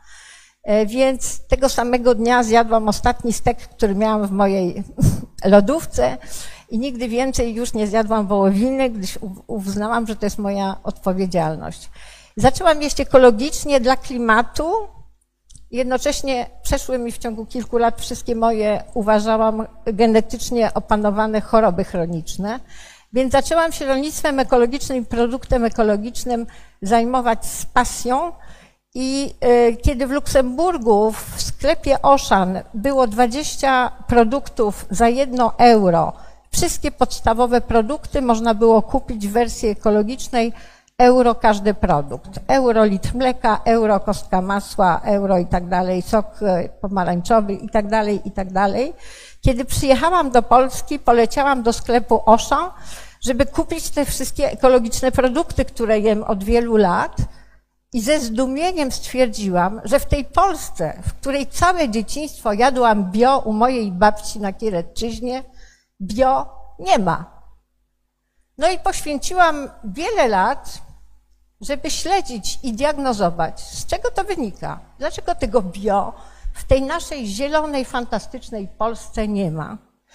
I to, co mogę, stwierdziłam, że nasze rolnictwo poszło w kierunku mm, bardzo uprzemysłowionej wersji, wersji oczywiście pozytywną rzeczą jest to, że wieś się wzbogaciła, że wieś się nie wyludniła, że wieś jest żywotna, że poziom życia ludzi na wsi bardzo wzrósł, że te różnice się wyrównały. Ale jednocześnie ludzie nie jedzą lepiej. E, polski konsument nie wiedział nic o tym, czym się różni produkt ekologiczny od produktu konwencjonalnego. Moi znajomi, moje koleżanki w ogóle o tym nic nie wiedziały. Polski, e, w związku z czym e, moja diagnoza była taka, że w szkołach brak jest nauczania i doradztwa z zakresu biologii, nauki o przyrodzie, ekologii, gleboznawstwa. Wiedza była skoncentrowana na chemii i mechanice. Zrozumiałam to, kiedy poszłam z wizytą studyjną do rolników ekologicznych, ojca i syna, i z półtorej godzinnej wizyty, godzinę i dziesięć minut oglądaliśmy maszyny a 15 minut mówiliśmy o roślinach. E, naszych, naszych, wśród naszych rolników 80% głównymi gospodarzami są mężczyźni. Rolnictwo jest bardzo zmaskulinizowane, mimo że największa organizacja rolnicza na świecie, La Via Campesina, która liczy 200 milionów członków, 70% to są kobiety. Więc, e, e, więc w, dlatego zajęłam się tym tematem. Bardzo dziękuję, że dano mi tą przestrzeń, żeby mój aktywizm wprowadzić do książki i moją utopijną wizję Polski e, z ekofeministycznej perspektywy dołączyć do tej książki. Dziękuję bardzo. Dziękuję bardzo. Bardzo proszę pani doktor Ruta Śpiewak. Nie umawiałam się z Ewą, ale tak naprawdę właściwie powtórzę jej słowa. Yy, uważam, że rzeczywiście yy, od wejścia do Unii Europejskiej jakość życia na wsi, jakość życia rolników i rolniczek, mieszkańców wsi się niewiarygodnie podniosła. Pan profesor mówił o wzroście produkcji, o wzroście yy, akceleratorze rynku rolnego, sukces i tak dalej. Pan profesor nie wspomniał i ekonomiści rolni nie, nie wspominają o koszcie, o koszcie, jaki ponoszło nasze nasz, nasz klimat, nasze środowisko i nasze dzieci. Uważam, że e, ten czas od wejścia do Unii Europejskiej, oprócz tego, i nie można tego abstrahować oczywiście, podniesienia jakości życia wszystkich nas, e, uważam za zmarnowaną szansę i uważam, że bierzemy udział w wielkiej wspólnej kradzieży kradzieży przyszłości, klimatu i środowiska nas samych, naszych dzieci i następnych pokoleń. I to jest cena, którą ponosimy i ciągle zapomina, ciągle się o tym nie mówi. I kiedy słyszę, że profesorzy, kiedy słyszę, że głównie się mówi więcej, wyprodukujemy więcej, wyprodukujemy jeszcze więcej i mniej zatrudnimy osób, po prostu się boję. Dlatego w moim tekście napisałam zatytułowanym mniej, nie przez przypadek. Chcę, po, chciałam powiedzieć, że musimy, prze, że koniecznym jest, i to nie jest moja koncepcja, tylko też ekonomistów, że musimy zatrzymać logikę myślenia tylko w kategoriach w rozwoju PKB. My, mieszkańcy globalnej północy, jesteśmy wystarczająco zamożni, musimy się zatrzymać w tym pędzie do, do zwiększania produkcji, musimy zacząć myśleć o kosztach, nie zacząć, już dziś trzeba, musimy włączyć się w myślenie o kosztach klimatycznych. Ja wiem, że, się, że, że jest zielona polity, że powstał nowy ład, zielony ład, y, strategia od pola do stołu i tak dalej, i tak dalej. Miesiąc temu słyszałam od ministra prezydenckiego, jak powiedział ci obecnego prezydenta, mm, ci ekolodzy zabiją polskiego rolnika. W takiej sytuacji trudno uwierzyć, że uda się wdrożyć jakiekolwiek założenia, choć i tak są one zbyt, y, y, zbyt liberalne jak na zagrożenie, jakim, jakim, jakim stoi y, przed, przed nami, przed wszystkimi mieszkańcami globu, w tym przed, Polski, po, przed Polakami i Polkami. Przejdź, kwestia kosztów, ko, y, zanieczyszczenie środowiska. Katastrofa klimatyczna jest już wyceniana w, w wymiarach finansowych. Niesamowicie ciekawym wy, wyliczeniem, y, nieda, y, czytałam profesora Pomianka w niedawnym y, tygodniku powszechnym, który wyliczył, jakie są tak naprawdę koszty wyprodukowania kilograma mięsa. Biorąc pod uwagę, profesor, cy- cytuję profesora, biorąc pod uwagę, że wyproduko- kupno kilograma mięsa, nie wiem jakiego, kosztuje 28 zł w sklepie, do tego szacuje on, że trzeba doliczyć 9 zł kosztów emisji gazów cieplarnianych i 19,5 zł za utratę bioróżnorodności. To są dopiero koszty, które ponosi pan, pani i, każ- i moje dzieci i ich, i ich dzieci.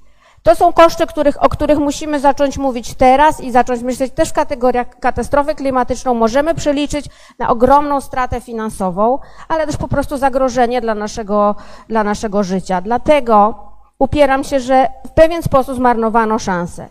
W Polsce w 2023 roku jest nieco ponad 3% gruntów rolnych pod y, certyfik- certyfikatem ekologicznym. Oczywiście, że rolnictwo ekologiczne nie jest jedynym możliwym rozwojem y, dla, dla, dla, dla polskiego rolnictwa, ale 3% to jest najniższy odsetek w całej Unii Europejskiej.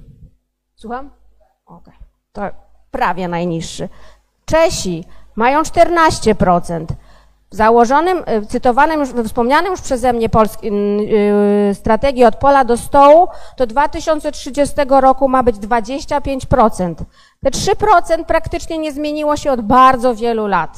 Nic się w tym kierunku nie dzieje, choć wsadzono w to ogromne pieniądze. Dlatego, dlatego nie wstydzę się słów, które mówić, o, o, że bierzemy udział w wielkim procesie kradzieży i zmarnowanej szansy. Dziękuję. Dziękuję i tak. I ostatni w tej pierwszej serii e, pan Ryszard Wilczyński. Bardzo proszę.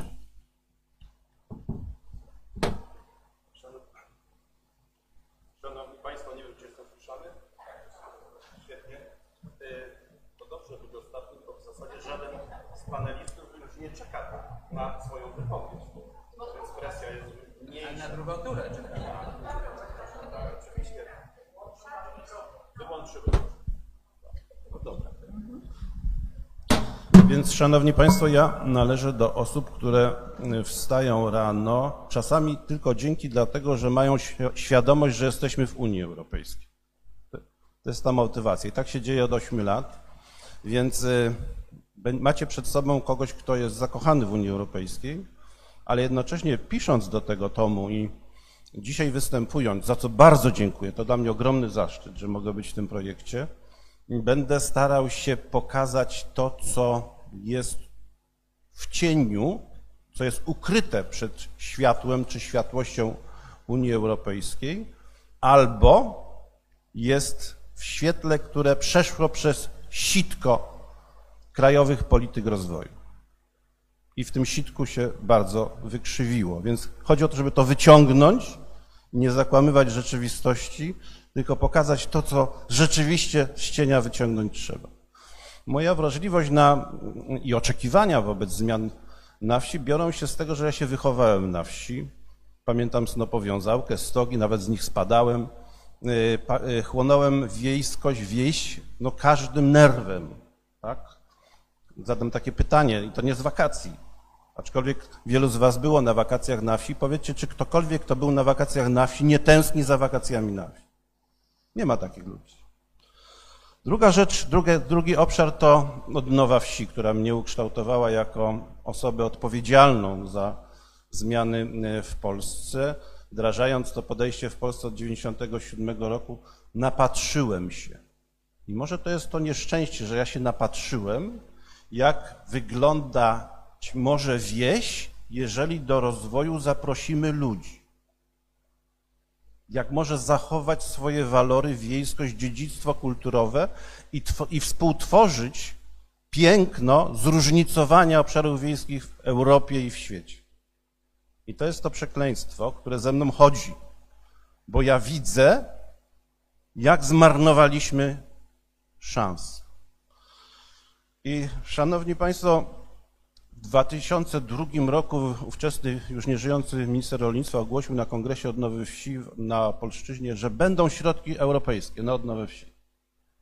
Ja byłem przeszczęśliwy, bo chodziłem za tym. Ludzie byli przeszczęśliwi. Sześć lat później musiałem już pisać o zagrożeniu, jakim jest sposób wydatkowania tych pieniędzy, który zabija proces odnowy wsi, rozumiany jako zaplanowanie przyszłości przez społeczności wiejskie i realizację serii powiązanych ze sobą projektów. A osiem lat później, pamiętasz Ryszardzie, myśmy już tarabanili o tym, że to jest potężne zagrożenie. Dziesięć lat później pisano o syndromie pustych świetlic. Dzisiaj wiemy, że Polska zmarnowała, płacąc kary za niewypełnienie wyroków TSUE, niemal tyle pieniędzy, co wydano na odnowę wsi we wszystkich latach. Niedługo wyrównamy ten, tą, tą ilość. To sobie uświadommy, o jakich my pieniądzach i utraconych szansach w ogóle mówimy. To była odskocz. I teraz teza mocna, mocna, to, że rozwój wsi jest w silosie Ministerstwa Rolnictwa i Rozwoju Wsi, jest nieszczęściem. Jest nieszczęściem. Uzyskalibyśmy znacznie więcej, gdyby tak nie było. Tak samo uzyskalibyśmy znacznie więcej z tej Unii, gdyby rozwój obszarów wiejskich nie był włożony we wspólną politykę rolną i zamiast Europejskiego Funduszu Rolnego mielibyśmy Fundusz Rozwoju Lokalnego gdzie indziej usytuowany. Gdzie indziej usytuowany. Bo lokalność wiąże tego, kto jest z bloków i tego, kto jest z małego sołectwa. Wszyscy jesteśmy jakoś lokalni. To jest spinacz pomiędzy miastem a wsią. To jest spinacz. I to by zmieniało rzeczywistość. I teraz tak. Na konferencji w Górażach pani Maria Halamska, pani profesor powiedziała jedno zdanie. Wieś ma produkować wiejskość. To jest rola wsi we współczesnym świecie, wiejskość. I teraz popatrzymy, co się z tą wiejskością zadziało i wiemy, że ona zaczęła znikać. Zaczęła znikać nie tylko w tym elemencie wspólnotowym, ale przede wszystkim jest wypierana z przestrzeni. Co je zastępuje? Co ją zastępuje? Tą archetypiczną i tą, która może być nośnikiem wielu funkcji, szczególnie na przyszłość. Bo dzisiaj może się nam nie wydawać, ale jak widzimy opluskwione obszary nadmorskie z tymi budami, tym nieszczęściem całym architektonicznym, tym bajzlem, wiemy, że nasze nadmorze przy morze przegra konkurencję ze światem. Przegra w najbliższych latach, bo musi przegrać. Nikt nie będzie chciał przyjeżdżać. I teraz słowo, które zabija wszystko. Modernizacja. Ja nawet, szanowni państwo, słyszałem o projekcie, który mówił o modernizacji czegoś, co było zrewitalizowane. Nie uwierzycie, ale to jest prawda. Modernizacja, która doprowadziła do tego, że przyniosła nieprawdopodobną unifikację. Cechą obszarów wiejskich w Polsce jest niespecyficzność. Bez względu na to, w jakim fragmencie Polski jesteśmy, gdyby nas ktoś zrzucił gdzieś, to kompletnie się nie zorientujemy, w jakim jesteśmy regionie. Nie zorientujemy się. Musielibyśmy mieć szczęście. Niespecyficzność. I to jest coś, co powoduje i te wszystkie zmiany spowodowały, że straciliśmy ogromną ilość dziedzictwa kulturowego. Ja też patrzę na wieś przez pryzmat tego, co jest na Dolnym Śląsku, co jest na ziemiach odzyskanych. Jedziemy całymi kilometrami i widzimy co wieś zniszczone rolnicze centrum wsi składające się z zespołu pałacowo-folwarcznego. Ruina, ruina, ruina, ruina, kolejna ruina. Kilometry zniszczonych zabudowy. Rozpadających się stodół, zniszczonych, zrzuconych dachów i bram, bo trzeba płacić podatek. Unia Europejska nam to zrobiła? Nie. Myśmy to zrobili. Myśmy to zrobili, nie umiejąc zarządzać tym zasobem. I teraz, Szanowni Państwo, jeszcze tak. Mówimy o urbanizacji, o rozlewaniu się miast, mówimy o depopulacji też. I chciałbym powiedzieć, że mamy swój absolutnie uniwersalny, taki szczególny wkład w rozwój światowej ruralistyki czy urbanistyki, to jest zabudowa łanowa. To jest nasz wkład. My będziemy z tego słynni. Na minie wiek, a będzie się o tym mówić. To jest nasze, polskie. Zabudowa łanowa. I teraz tak. Czemu tak się zdarzyło? Nasz egoizm, nasz indywidualizm, nasze nieuczesanie i niezdolność podporządkowania się i wygenerowania prawa powoduje to, że triumfuje interes indywidualny nad publicznym. Polska, nie tylko obszary wiejskie, stały się zbiorem fragmentów, nazywam je grajdołami. Każdy sobie w swoim grajdole rzepkę skrobie. Do płota, wysokiego, betonowego, kolorowego. A dalej kolejne grajdą. I tak dalej, i tak dalej. Bo Polska stała się zbiorem, mozaiką grajdołów. I cóż z tego, że wszyscy tam są bogaci? Cóż z tego dla przyszłości potomnych i dla naszego miejsca Polski na obszarach wiejskich Europy, skoro nikt tam nie będzie chciał przyjeżdżać? Bo po co? To, żeśmy ukwiecili, trochę zamaskowali to zielenią, to nie zmienia postaci, postaci rzeczy. I teraz na końcu taka refleksja, bo myślałem, jak określić to, co się zdarzyło. I tak, kiedyś ludzie przyjeżdżali z zachodu, przyjeżdżali z Nadrenii, gdzieś tam, pamiętamy, te kolonizacje, te fale kolonizacji, zakładano wsie, zakładano kolonie, przyjeżdżali po to, żeby uprawiać ziemię. Uprawiać ziemię. A co myśmy, jaką myśmy kolonizację zrobili? Myśmy skolonizowali krajobraz. Poza miastem mieszkają kolonizujący krajobraz, kolonizatorzy krajobrazu, żeby wyrwać najładniejszy fragment, go zagospodarować, żeby mieć ładny widok. Ale że my już nie mamy ładnego widoku z tego powodu, tego, tego, tego nikogo nie interesuje. Jedźcie Państwo przez obszary wiejskie w Polsce, szczególnie pod dużymi miastami i zobaczycie tą kolonizację deweloperską i tą na własny, na własny rachunek. Na dodatek jeszcze, ta kolonizacja to jest zbudowanie nowych barier rozwojowych. Zakleszczenia, wszyscy się tam zestarzeją i będzie ich opieka szukać. Za 40 lat ten mieszka w tym domu, a ten w tamtym domu, a ten w tamtym. I ta pielęgniarka będzie jeździć. Więcej czasu spędzi w samochodzie niż opiekując się osobą starszą. A koszty? Kto, kogo to dzisiaj interesuje, szanowni państwo? A więc trzeba powiedzieć w, w, ten, w ten sposób, mieliśmy złoty róg, mieliśmy środki, nadal je może mamy, ale wykorzystywaliśmy je naprawdę nieoptymalnie.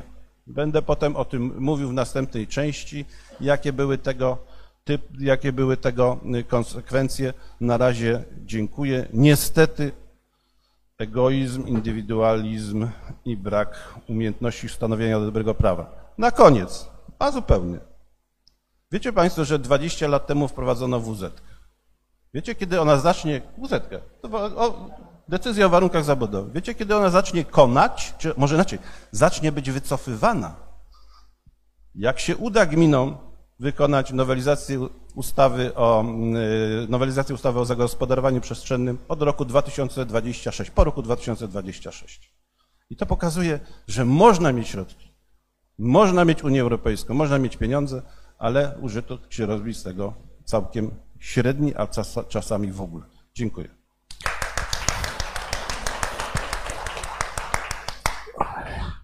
Dziękuję bardzo. E, Proszę Państwa, mamy dosłownie parę minut czasu na ewentualną wymianę, myślę, że nie więcej niż jednej, dwóch uwag między panelistami, naszymi panelistami. Czy ktoś z Państwa chciałby jakoś nawiązać króciutko do czyjegoś wystąpienia, do jakiejś tezy? Mamy na to mniej więcej 10 minut czasu. Pan profesor Orłowski, bardzo proszę.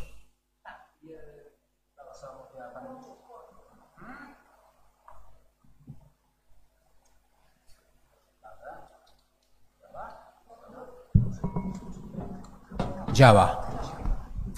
Y, Nie, no wrócimy do tematu, no bo tutaj został, ja niestety nie byłem od początku, ale poruszony ten dość ważny w sumie temat. Z jednej strony mamy problem gospodarki. I powiedzmy, czuję się tutaj wystawiony trochę pod ścianą jako ten, który śmie mówić o jakimś PKB, podczas gdy rolnictwo, wiecie, są ważniejsze rzeczy niż i nie wolno w ogóle tymi kategoriami mówić. Z drugiej strony, ja oczywiście doskonale rozumiem te wszystkie rzeczy, o których obie panie mówiły i, i ja się z nimi zgadzam oczywiście, z koniecznością e, no, przyjęcia jako jednego z fundamentów e, tego, że nie możemy niszczyć. Rolnictwo, no jak się okazuje, no właśnie są te, te, te tajemnice, że krowy, przepraszam, ale w wiadomy sposób emitują gazów e, cieplarnianych więcej niż, nie wiem, koleje i tak dalej, i tak dalej. No, no, to troszeczkę jest to uważane, że to jest trochę tak politycznie niepoprawnie mówić o tym, bo o ile koleje to jest luksus, to przecież krowy hamburgery są nam absolutnie niezbędne do życia i, i nie wolno w ogóle krytykować ich z tego punktu widzenia. Ja uważam, że trzeba znaleźć rozsądny kompromis między obie. Pani doktor, jeśli ekonomiści mówią o wzroście wartości wytwarzanej, to proszę nie uważać, że mówią, że to oznacza, że trzeba więcej ziemi zająć, więcej wyprodukować e, zboża, więcej wyprodukować mięsa i tak dalej. Wartość to jest również włożona praca w to, włożona wiedza, e, różnica między serem zwykłym byle jacim, a, a camembertem, e, czy różnica między sfermentowanym e, winem, a zepsutym jeszcze podwójnie, a, a szampanem, to jest, to jest wartość dodana, która jest z tego tworzona. Można w rolnictwie, i PKB to nie jest wielkość produkcji. PKB to jest wartość dodana. I jeśli mówimy, my, myślę, że w imieniu jeszcze więcej osób, tutaj ekonomistów, jeśli mówimy, że trzeba w rolnictwie po to, żeby, ta, ta wartość dodana daje dochód ludziom, więc bardzo łatwo jest powiedzieć, niech nie mają, nie biorą tej wartości więcej, niech nie mają dochodów więcej, niech produkują e, mniej. Nie, niech produkują inaczej oczywiście.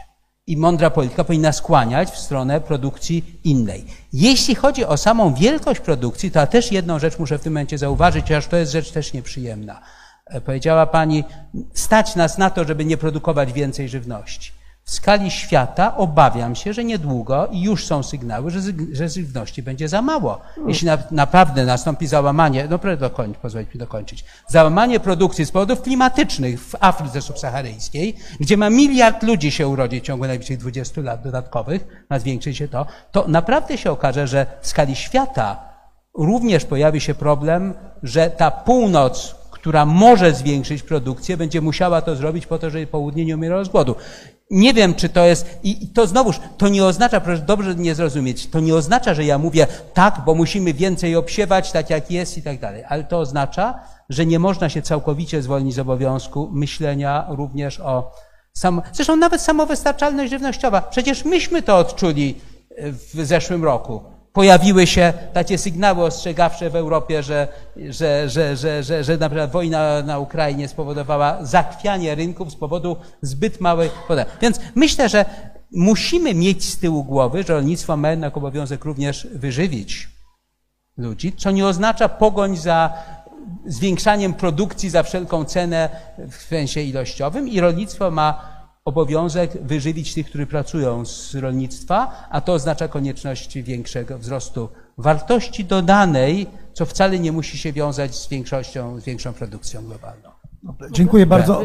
Chwileczkę, bo obawiam się, że otworzyłem puszkę Pandory. No właśnie, no, E, trzeba było mnie nie dopuszczać. Tą zachętą do tego, więc może umówmy się tak, ponieważ mamy jeszcze dużo czasu po drugiej serii wypowiedzi, wtedy możemy ogólnie dyskutować, że udzielmy głosu pani doktor Śpiewak na krótką ripostę i przejdziemy do następnej, który wypowiedzi, a te wszystkie głosy czy pytania, które państwo macie, proszę sobie zarezerwować i w ogólnej dyskusji do nich wrócimy. Proszę bardzo, Ruta.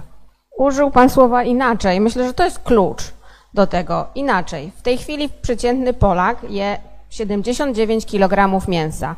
WHO zaleca, zaleca 25 kg mięsa. To jest bardzo duża różnica. Wszyscy tu na sali prawdopodobnie wiemy, że to nie chodzi tylko, że produkcja mięsa jest wodochłonna i przestrzeniochłonna. Jeżeli będziemy jedli przeciętnie mniej mięsa, to znaczy, że zwolni się przestrzeń na hodowlę, uprawę roślin i tak dalej, i tak dalej. Druga sprawa to jest, co, marnujemy na świecie prawie 25% żywności. Ta żywność, którą byśmy przestali marnować, rozsądnie i lo, lokalnie produkować i sprzedawać, mogła, będzie, mo, może, wyżywić, może wyżywić wzrastającą liczbę, liczbę ludności. Naprawdę kwestia klimatu, moim, dla mnie w 2023 roku nie ma ważniejszej kwestii niż, niż, niż kwestia klimatyczna. Więc słowo inaczej, które pan profesor użył, jest słowem kluczowym i to jest kwestia, która musi zostać zmieniona systemowo. Nie opłaca... Nie, nie kłócimy się wcale. Dobrze, dziękuję bardzo. Proszę Państwa, przejdźmy zatem do drugiej części e, naszego panelu, do wypowiedzi na mm, e, drugą kwestię, która została tak mniej więcej sformułowana. Jakie zdaniem Państwa mm, będą najważniejsze zmiany wsi polskiej w na- w nadchodzących 20 latach? Prawda? I tutaj myślę, że pewnie większość z Państwa, albo część przynajmniej z Państwa posłuży się no, przemyśleniami, które są w formie pisanej w tekstach, e, które ja też już znam, bo dostałem w PDF-ie wcześniej e, tę pracę, a Państwo w większości jeszcze nie znacie. W związku z tym, nie tracąc czasu, przechodzimy. Pani Joanna Gierulska znowu zaczyna jako pierwsza.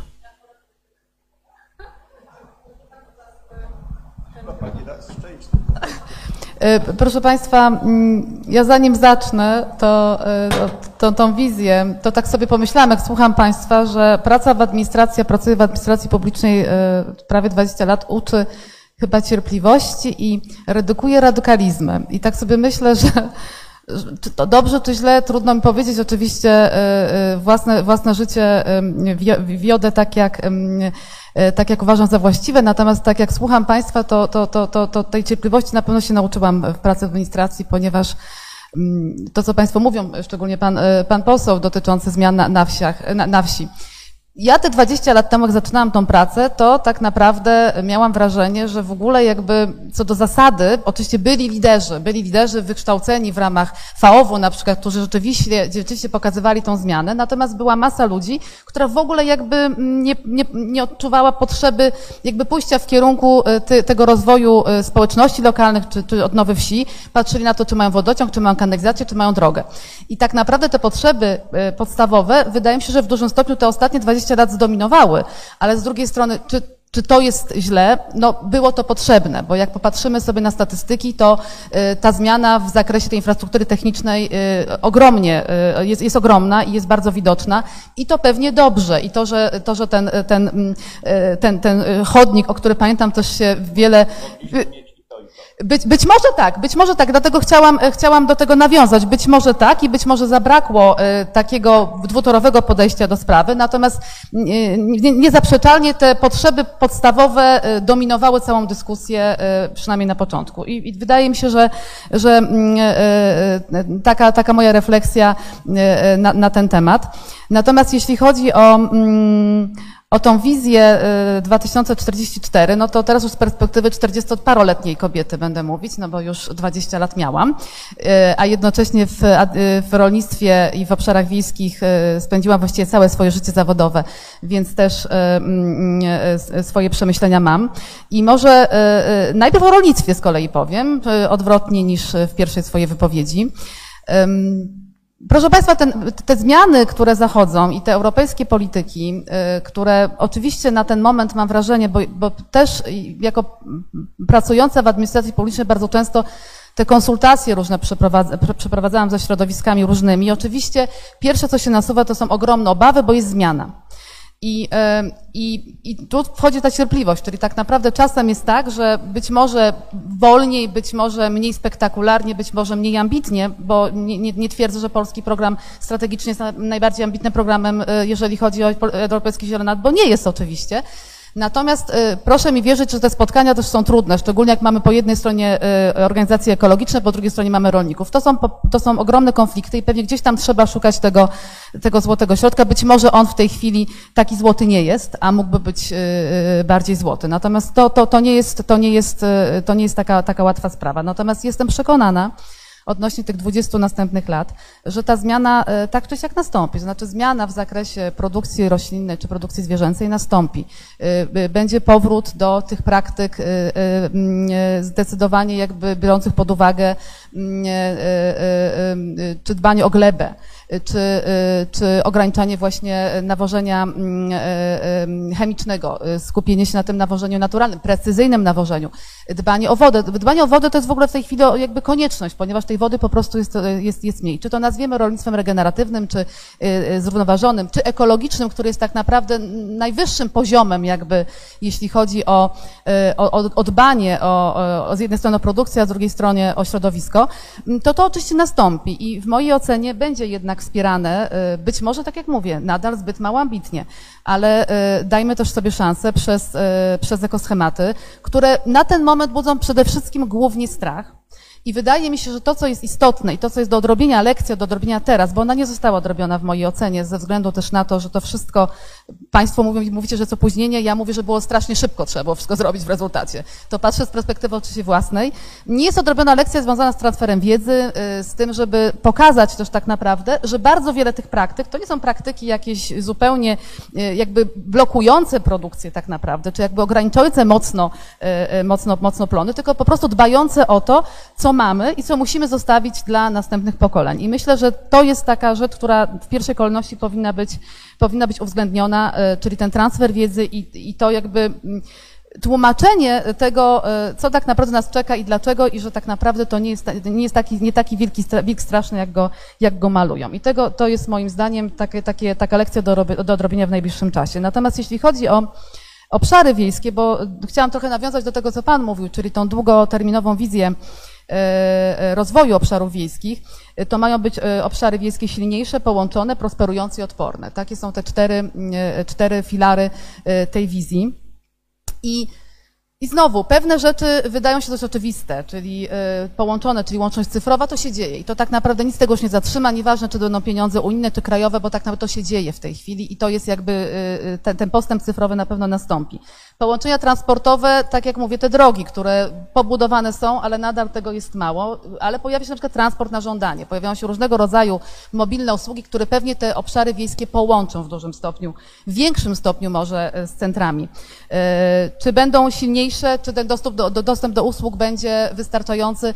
Tutaj chciałam do tego nawiązać w kontekście mm, mm, żywotności tych obszarów wiejskich, bo tak naprawdę o co nam chodzi? O to, żeby te obszary wiejskie za 20 lat nadal były żywe, nadal, y, nadal tam ludzie mieszkali i nadal tam ludzie chcieli mieszkać. Oczywiście to, co Państwo też już mówiliście, na pewno rolnictwo będzie miało mniejsze znaczenie. Na pewno jakby coraz mniej będzie, y, będzie tych gospodarstw, które faktycznie są towarowe, które faktycznie y, w tych gospodarstwach działają i jakby sprzedają swoją, swoją produkcję. I teraz takie moje marzenie, które też nie do końca się na razie ziszcza i tak jak mówię, się uczę trochę cierpliwości, to jest to, że wydaje mi się, że w polskiej, w polskiej specy- specyfice tych gospodarstw rolnych to y, dobrze byłoby postawić na tą współpracę. I trochę tak sobie też myślę, czy to jest możliwe, bo tak naprawdę współpraca rolników, to y, tworzenie grup, spółdzielni, y, y, różnego rodzaju form takich zorganizowanych, które pozwoliłyby na to, że zarządzamy tymi gospodarstwami w sposób częściowo wspólny, inwestujemy też wspólnie, co też ogranicza koszty tego inwestowania, a jednocześnie nie musimy tej ziemi się pozbywać, która no, w polskiej, polskiej specyfice mam wrażenie, że jest to po prostu tak zakodowane w umysłach y, y, rolników, że, że y, pewnie przez wiele, wiele lat jeszcze będzie, będzie nie do zmiany. Więc mam nadzieję, i to jest takie moje marzenie, że jednak pójdziemy w kierunku takiego, takiej współpracy, jeśli chodzi o rolnictwo, większej ilości w, w, w spółdzielnie. Również te, również te formy, które będą wykorzystywały rolnictwo do tworzenia alternatywy źródeł energii, bo tak naprawdę to też jest bardzo wielki potencjał, który drzemie, drzemie w produkcji rolnej i mam nadzieję, że to się również stanie w ciągu tych 20 lat. I, i, i, a jednocześnie te gospodarstwa, które są małe, to tam stawiam na tą dwuzawodowość. Ja mam nadzieję, że to rzeczywiście y, stanie i rzeczywiście będzie to możliwe na większą skalę, bo tak naprawdę w tej chwili nie trzeba mieć wyższych studiów, żeby świetnie zarabiać, wręcz przeciwnie, chyba lepiej być teraz hydraulikiem czy stolarzem niż, y, niż ekonomistą. Więc mam nadzieję, że w tym kierunku y, ta polska, ta polska wieś pójdzie. I ostatnie zdanie, ostatnie zdanie.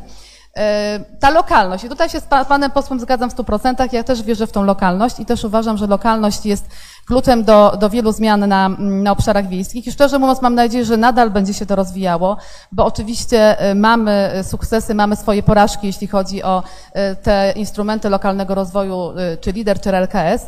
Teraz wchodzi Smart Village. Natomiast ja tak sobie myślę, że bardzo dobrze skupiać się na przykładach dobrych i te przykłady promować i jakby pokazywać, że te zmiany są możliwe i jednocześnie liczyć na to, że jeżeli te zmiany będą zachodziły w skali mikro, to one się będą rozprzestrzeniały szerzej. Także takim, ja optymistycznie zakończę. Może niesłusznie, ale optymistycznie. Dziękuję bardzo. Dziękuję bardzo i proszę panią Justynę Duriasz o wypowiedź.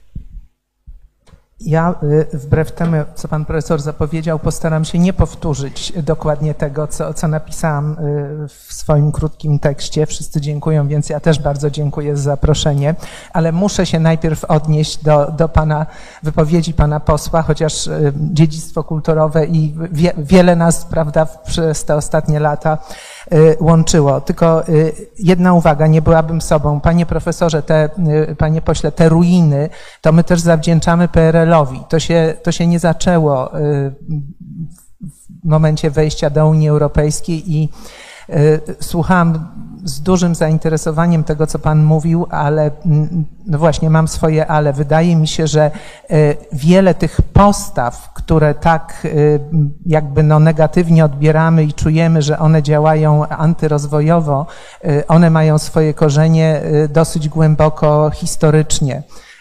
Pytanie jest takie, czy to wejście do Unii mogło być impulsem, który jakby zmieni szybko dużo. No, dzisiaj wiemy, że się takim nie okazało. No, czy mogło, nie wiemy, nigdy się nie dowiemy już.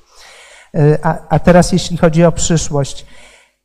Wydaje mi się, że tak, tak, tak kończyła profesor Halamska e, swój referat słowem niepewność, jeśli dobrze, jeśli dobrze pamiętam. Zmiana, zmiana pewna, kierunek niepewny.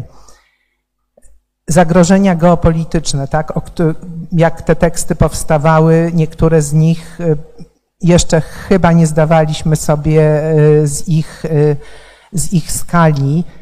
Pytanie dla mnie jest takie, czy my w tej chwili y, znajdujemy się na. No, jest taka sinusoida rozwojowa, gdzie my na tej sinusoidzie jesteśmy, ale ta, ale ta linia y, idzie gdzieś w jakimś kierunku, y, o którym myślimy, że jest dobry, pożądany, tak? Tutaj jakby te, te, te wartości wchodzą. Czy my jesteśmy na jakimś bardzo y, dużym i gwałtownym zakręcie? Ja się na tym nie znam, nie będę wyrokować, ale wydaje mi się, że, y, że od tego y, bardzo dużo zależy. Ten, ten zakręt, jeśli chodzi o, o klimat, tak, to jest, to jest absolutnie oczywiste nie, niezależnie od tej geopolityki, ale przecież y, te zmiany klimatyczne wszyscy wiemy, one są u podłoża y, wielu wojen, wojny o wodę. Ryszard Kapuściński już bardzo dawno temu y, to napisał, że kolejne wojny będą, będą wojnami o wodę. Więc i tutaj nawiążę do, do Pani. Tak, myślę, że to, co na pewno się zmieni, w perspektywie dwóch, pięciu, a, a dwudziestu lat to na pewno na polskiej wsi to będzie inny stosunek do wody. Y, nie tylko oszczędzanie tej wody, ono, ono będzie konieczne y, i nie tylko y, w rolnictwie, ale w naszym indywidualnym takim, takim konsumenckim zużyciu, bo tak jak y, Ruta mówiła o tym, że 25% żywności produkowanej marnujemy i o ile by było łatwiej wyżywić świat, gdyby tego nie było, również marnujemy bardzo dużo wody. A co więcej, masowym zjawiskiem niestety na polskiej wsi jest kradzież wody w wyniku czego ta, w gruncie rzeczy nie zdajemy sobie sprawy z tego jako konsumenci, jako użytkownicy gospodarczy, jak ta woda naprawdę jest droga. Y, gminy to wiedzą, znają odczyty liczników, znają, znają odczyty, y, wiedzą ile tych pieniędzy wpływa. Y, myślę, że to się będzie musiało zmienić, czy, czy prośbą, czy groźbą nie wiem, może gdzieś po środku. Y, I myślę, że w związku mm, z klimatem, wodą, y, tym wszystkim zmieni się jednak, ale może to jest moja nadzieja, stosunek do przyrody. Tak? Może, y, może stosunek do przyrody będzie czymś, co mm, pozwoli nam też żyć inaczej. Tak? W czym znajdziemy jakiś rodzaj ukojenia nerwów, konfliktów, ale te, przecież te konflikty nie znikną. Wielu autorów y, y, pisało i często się o tym mówi, o mm, nowych mieszkańcach wsi. Obserwując y, to, co się dzieje mm, przez ostatnie lata, widzimy, że te, ci nowi mieszkańcy wsi z jednej strony są wielką szansą rozwojową, ale to zetknięcie pewnych oczekiwań, stylów życia, wyobrażeń, czym jest, czym jest dobra wieś, ze strony mieszkańców takich zasiedziałych w którymś pokoleniu i mieszkańców nowych e, często e, prowadzi do konfliktów mniejszych czy większych.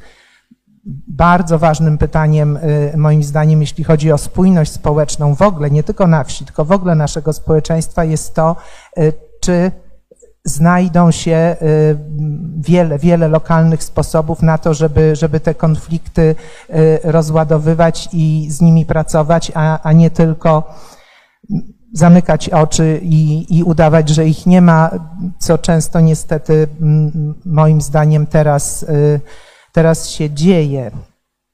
A się nie da tych oczu, tych oczu się dłużej zamykać, tak? bo to są też dylematy rozwoju gospodarczego, rozwoju, rozwoju infrastruktury, mm, to zróżnicowanie. Y, pan powiedział, że wieś jest nie, niespecyficzna. Gdzie by nas zrzucono, byśmy nie wiedzieli, gdzie jesteśmy.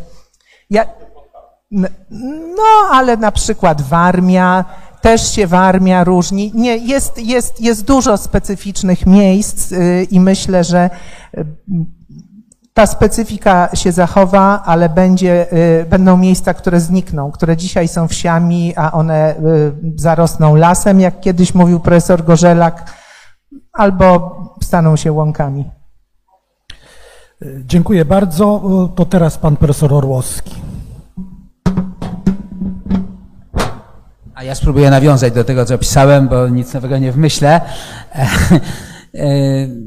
Ja napisałem tam takie rzeczy. Trzy rzeczy są dla mnie takie zasadnicze kierunki, zasadnicze dylematy i, i problemy i kierunki zmian. Znaczy, po pierwsze, jakim wieś będzie miejscem do życia?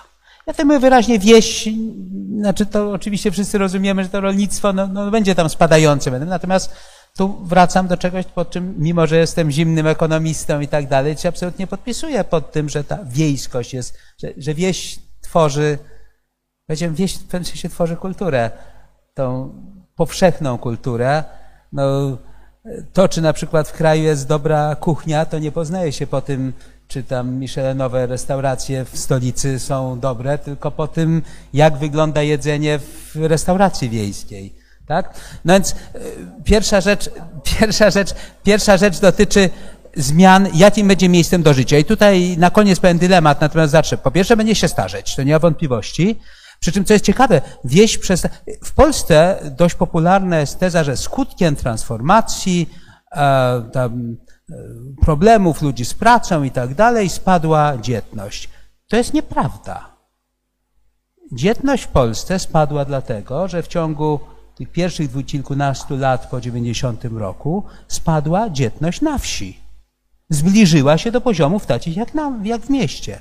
Czyli mamy do czynienia, z, czyli wieś przestała być tym, mieście bardzo się nie obniżyła, obniżyła się. Więc mamy do czynienia rzeczywiście z tym końcem roli wsi jako takiego rezerwuaru dostarczającego wzrost ludności, tak? Dobra. W związku z tym, co się stało, wieś się będzie gwałtownie starzeć. Dzisiaj jest 15%, e, jeśli pamiętam, osób po 65 roku życia. Za te 20 lat będzie 27, zdaje się, według GUS-u będzie, czyli już prawie jedna trzecia będzie, będzie osób e, starszych. Oczywiście to jest bez jeszcze ewentualnych migracji tych osób z miast starszych e, i tak. No, to znaczy, w ogóle będziemy mieli do czynienia z... I co jest tutaj najważniejsze? Najważniejsze jest rzeczywiście e, to, czy wieś stanie się dobrym miejscem do życia. Dzisiaj, mówiąc o tym, myślimy głównie właśnie dostęp do internetu i tak dalej. Natomiast myślę, że to się coraz mniejszym stopniu, znaczy to na szczęście się poprawia dość szybko i mam nadzieję, że się całkowicie poprawi. Różnice cały czas w Polsce w porównaniu z Niemcami, znaczy różnice między wsią i miastem są cały czas znacznie większe u nas jakością, znaczy tym życiem tak, ale myślę, że tutaj główna rzecz to jest właśnie dostęp do na przykład pewnych usług, usług czasu wolnego. To będzie decydowało o tym, czy wieś będzie atrakcyjnym miejscem do życia, czy nie. Zobaczymy, oczywiście wrócę do tego jeszcze króciutko na koniec. Drugi element ważny, wieś jako miejsce tworzenia wartości. Wartości, wyraźnie mówię, nie, nie wytwarzania żywności, tylko tworzenia wartości, czyli no, PKB, jeśli Państwo nie lubicie tej nazwy, to nie będę jej używać. Od czego to zależy? Głównie od ludzi, którzy tam mieszkają, od kapitału ludzkiego. Myślę, że fundamentalną rzeczą jest poprawa edukacji na obszarach wiejskich. Tam cały czas i można to pokazać, nawet jeśli formalnie tam te dane pokazują, że nie ma aż tak wielkich przepaści, no to wystarczy porównać, ja w tekście porównałem wyniki egzaminów e, w tym samym regionie z obszarów miejskich i z wiejskich, co pokazuje, że ta jakość nauczania jest cały czas niższa na obszarach wiejskich. Dobra, musi być cały wysiłek na. Jeśli kapitał ludzki na obszarach wiejskich będzie podobny do kapitału ludzkiego na obszarach zurbanizowanych, nie będziemy mieli problemu niedorozwoju wsi. To nie znaczy, że PKB będzie dokładnie tak samo wytwarzane, bo też zależy od struktury oczywiście wytwarzania. Orlenu nie będzie na obszarach wiejskich, ale generalnie problem zniknie.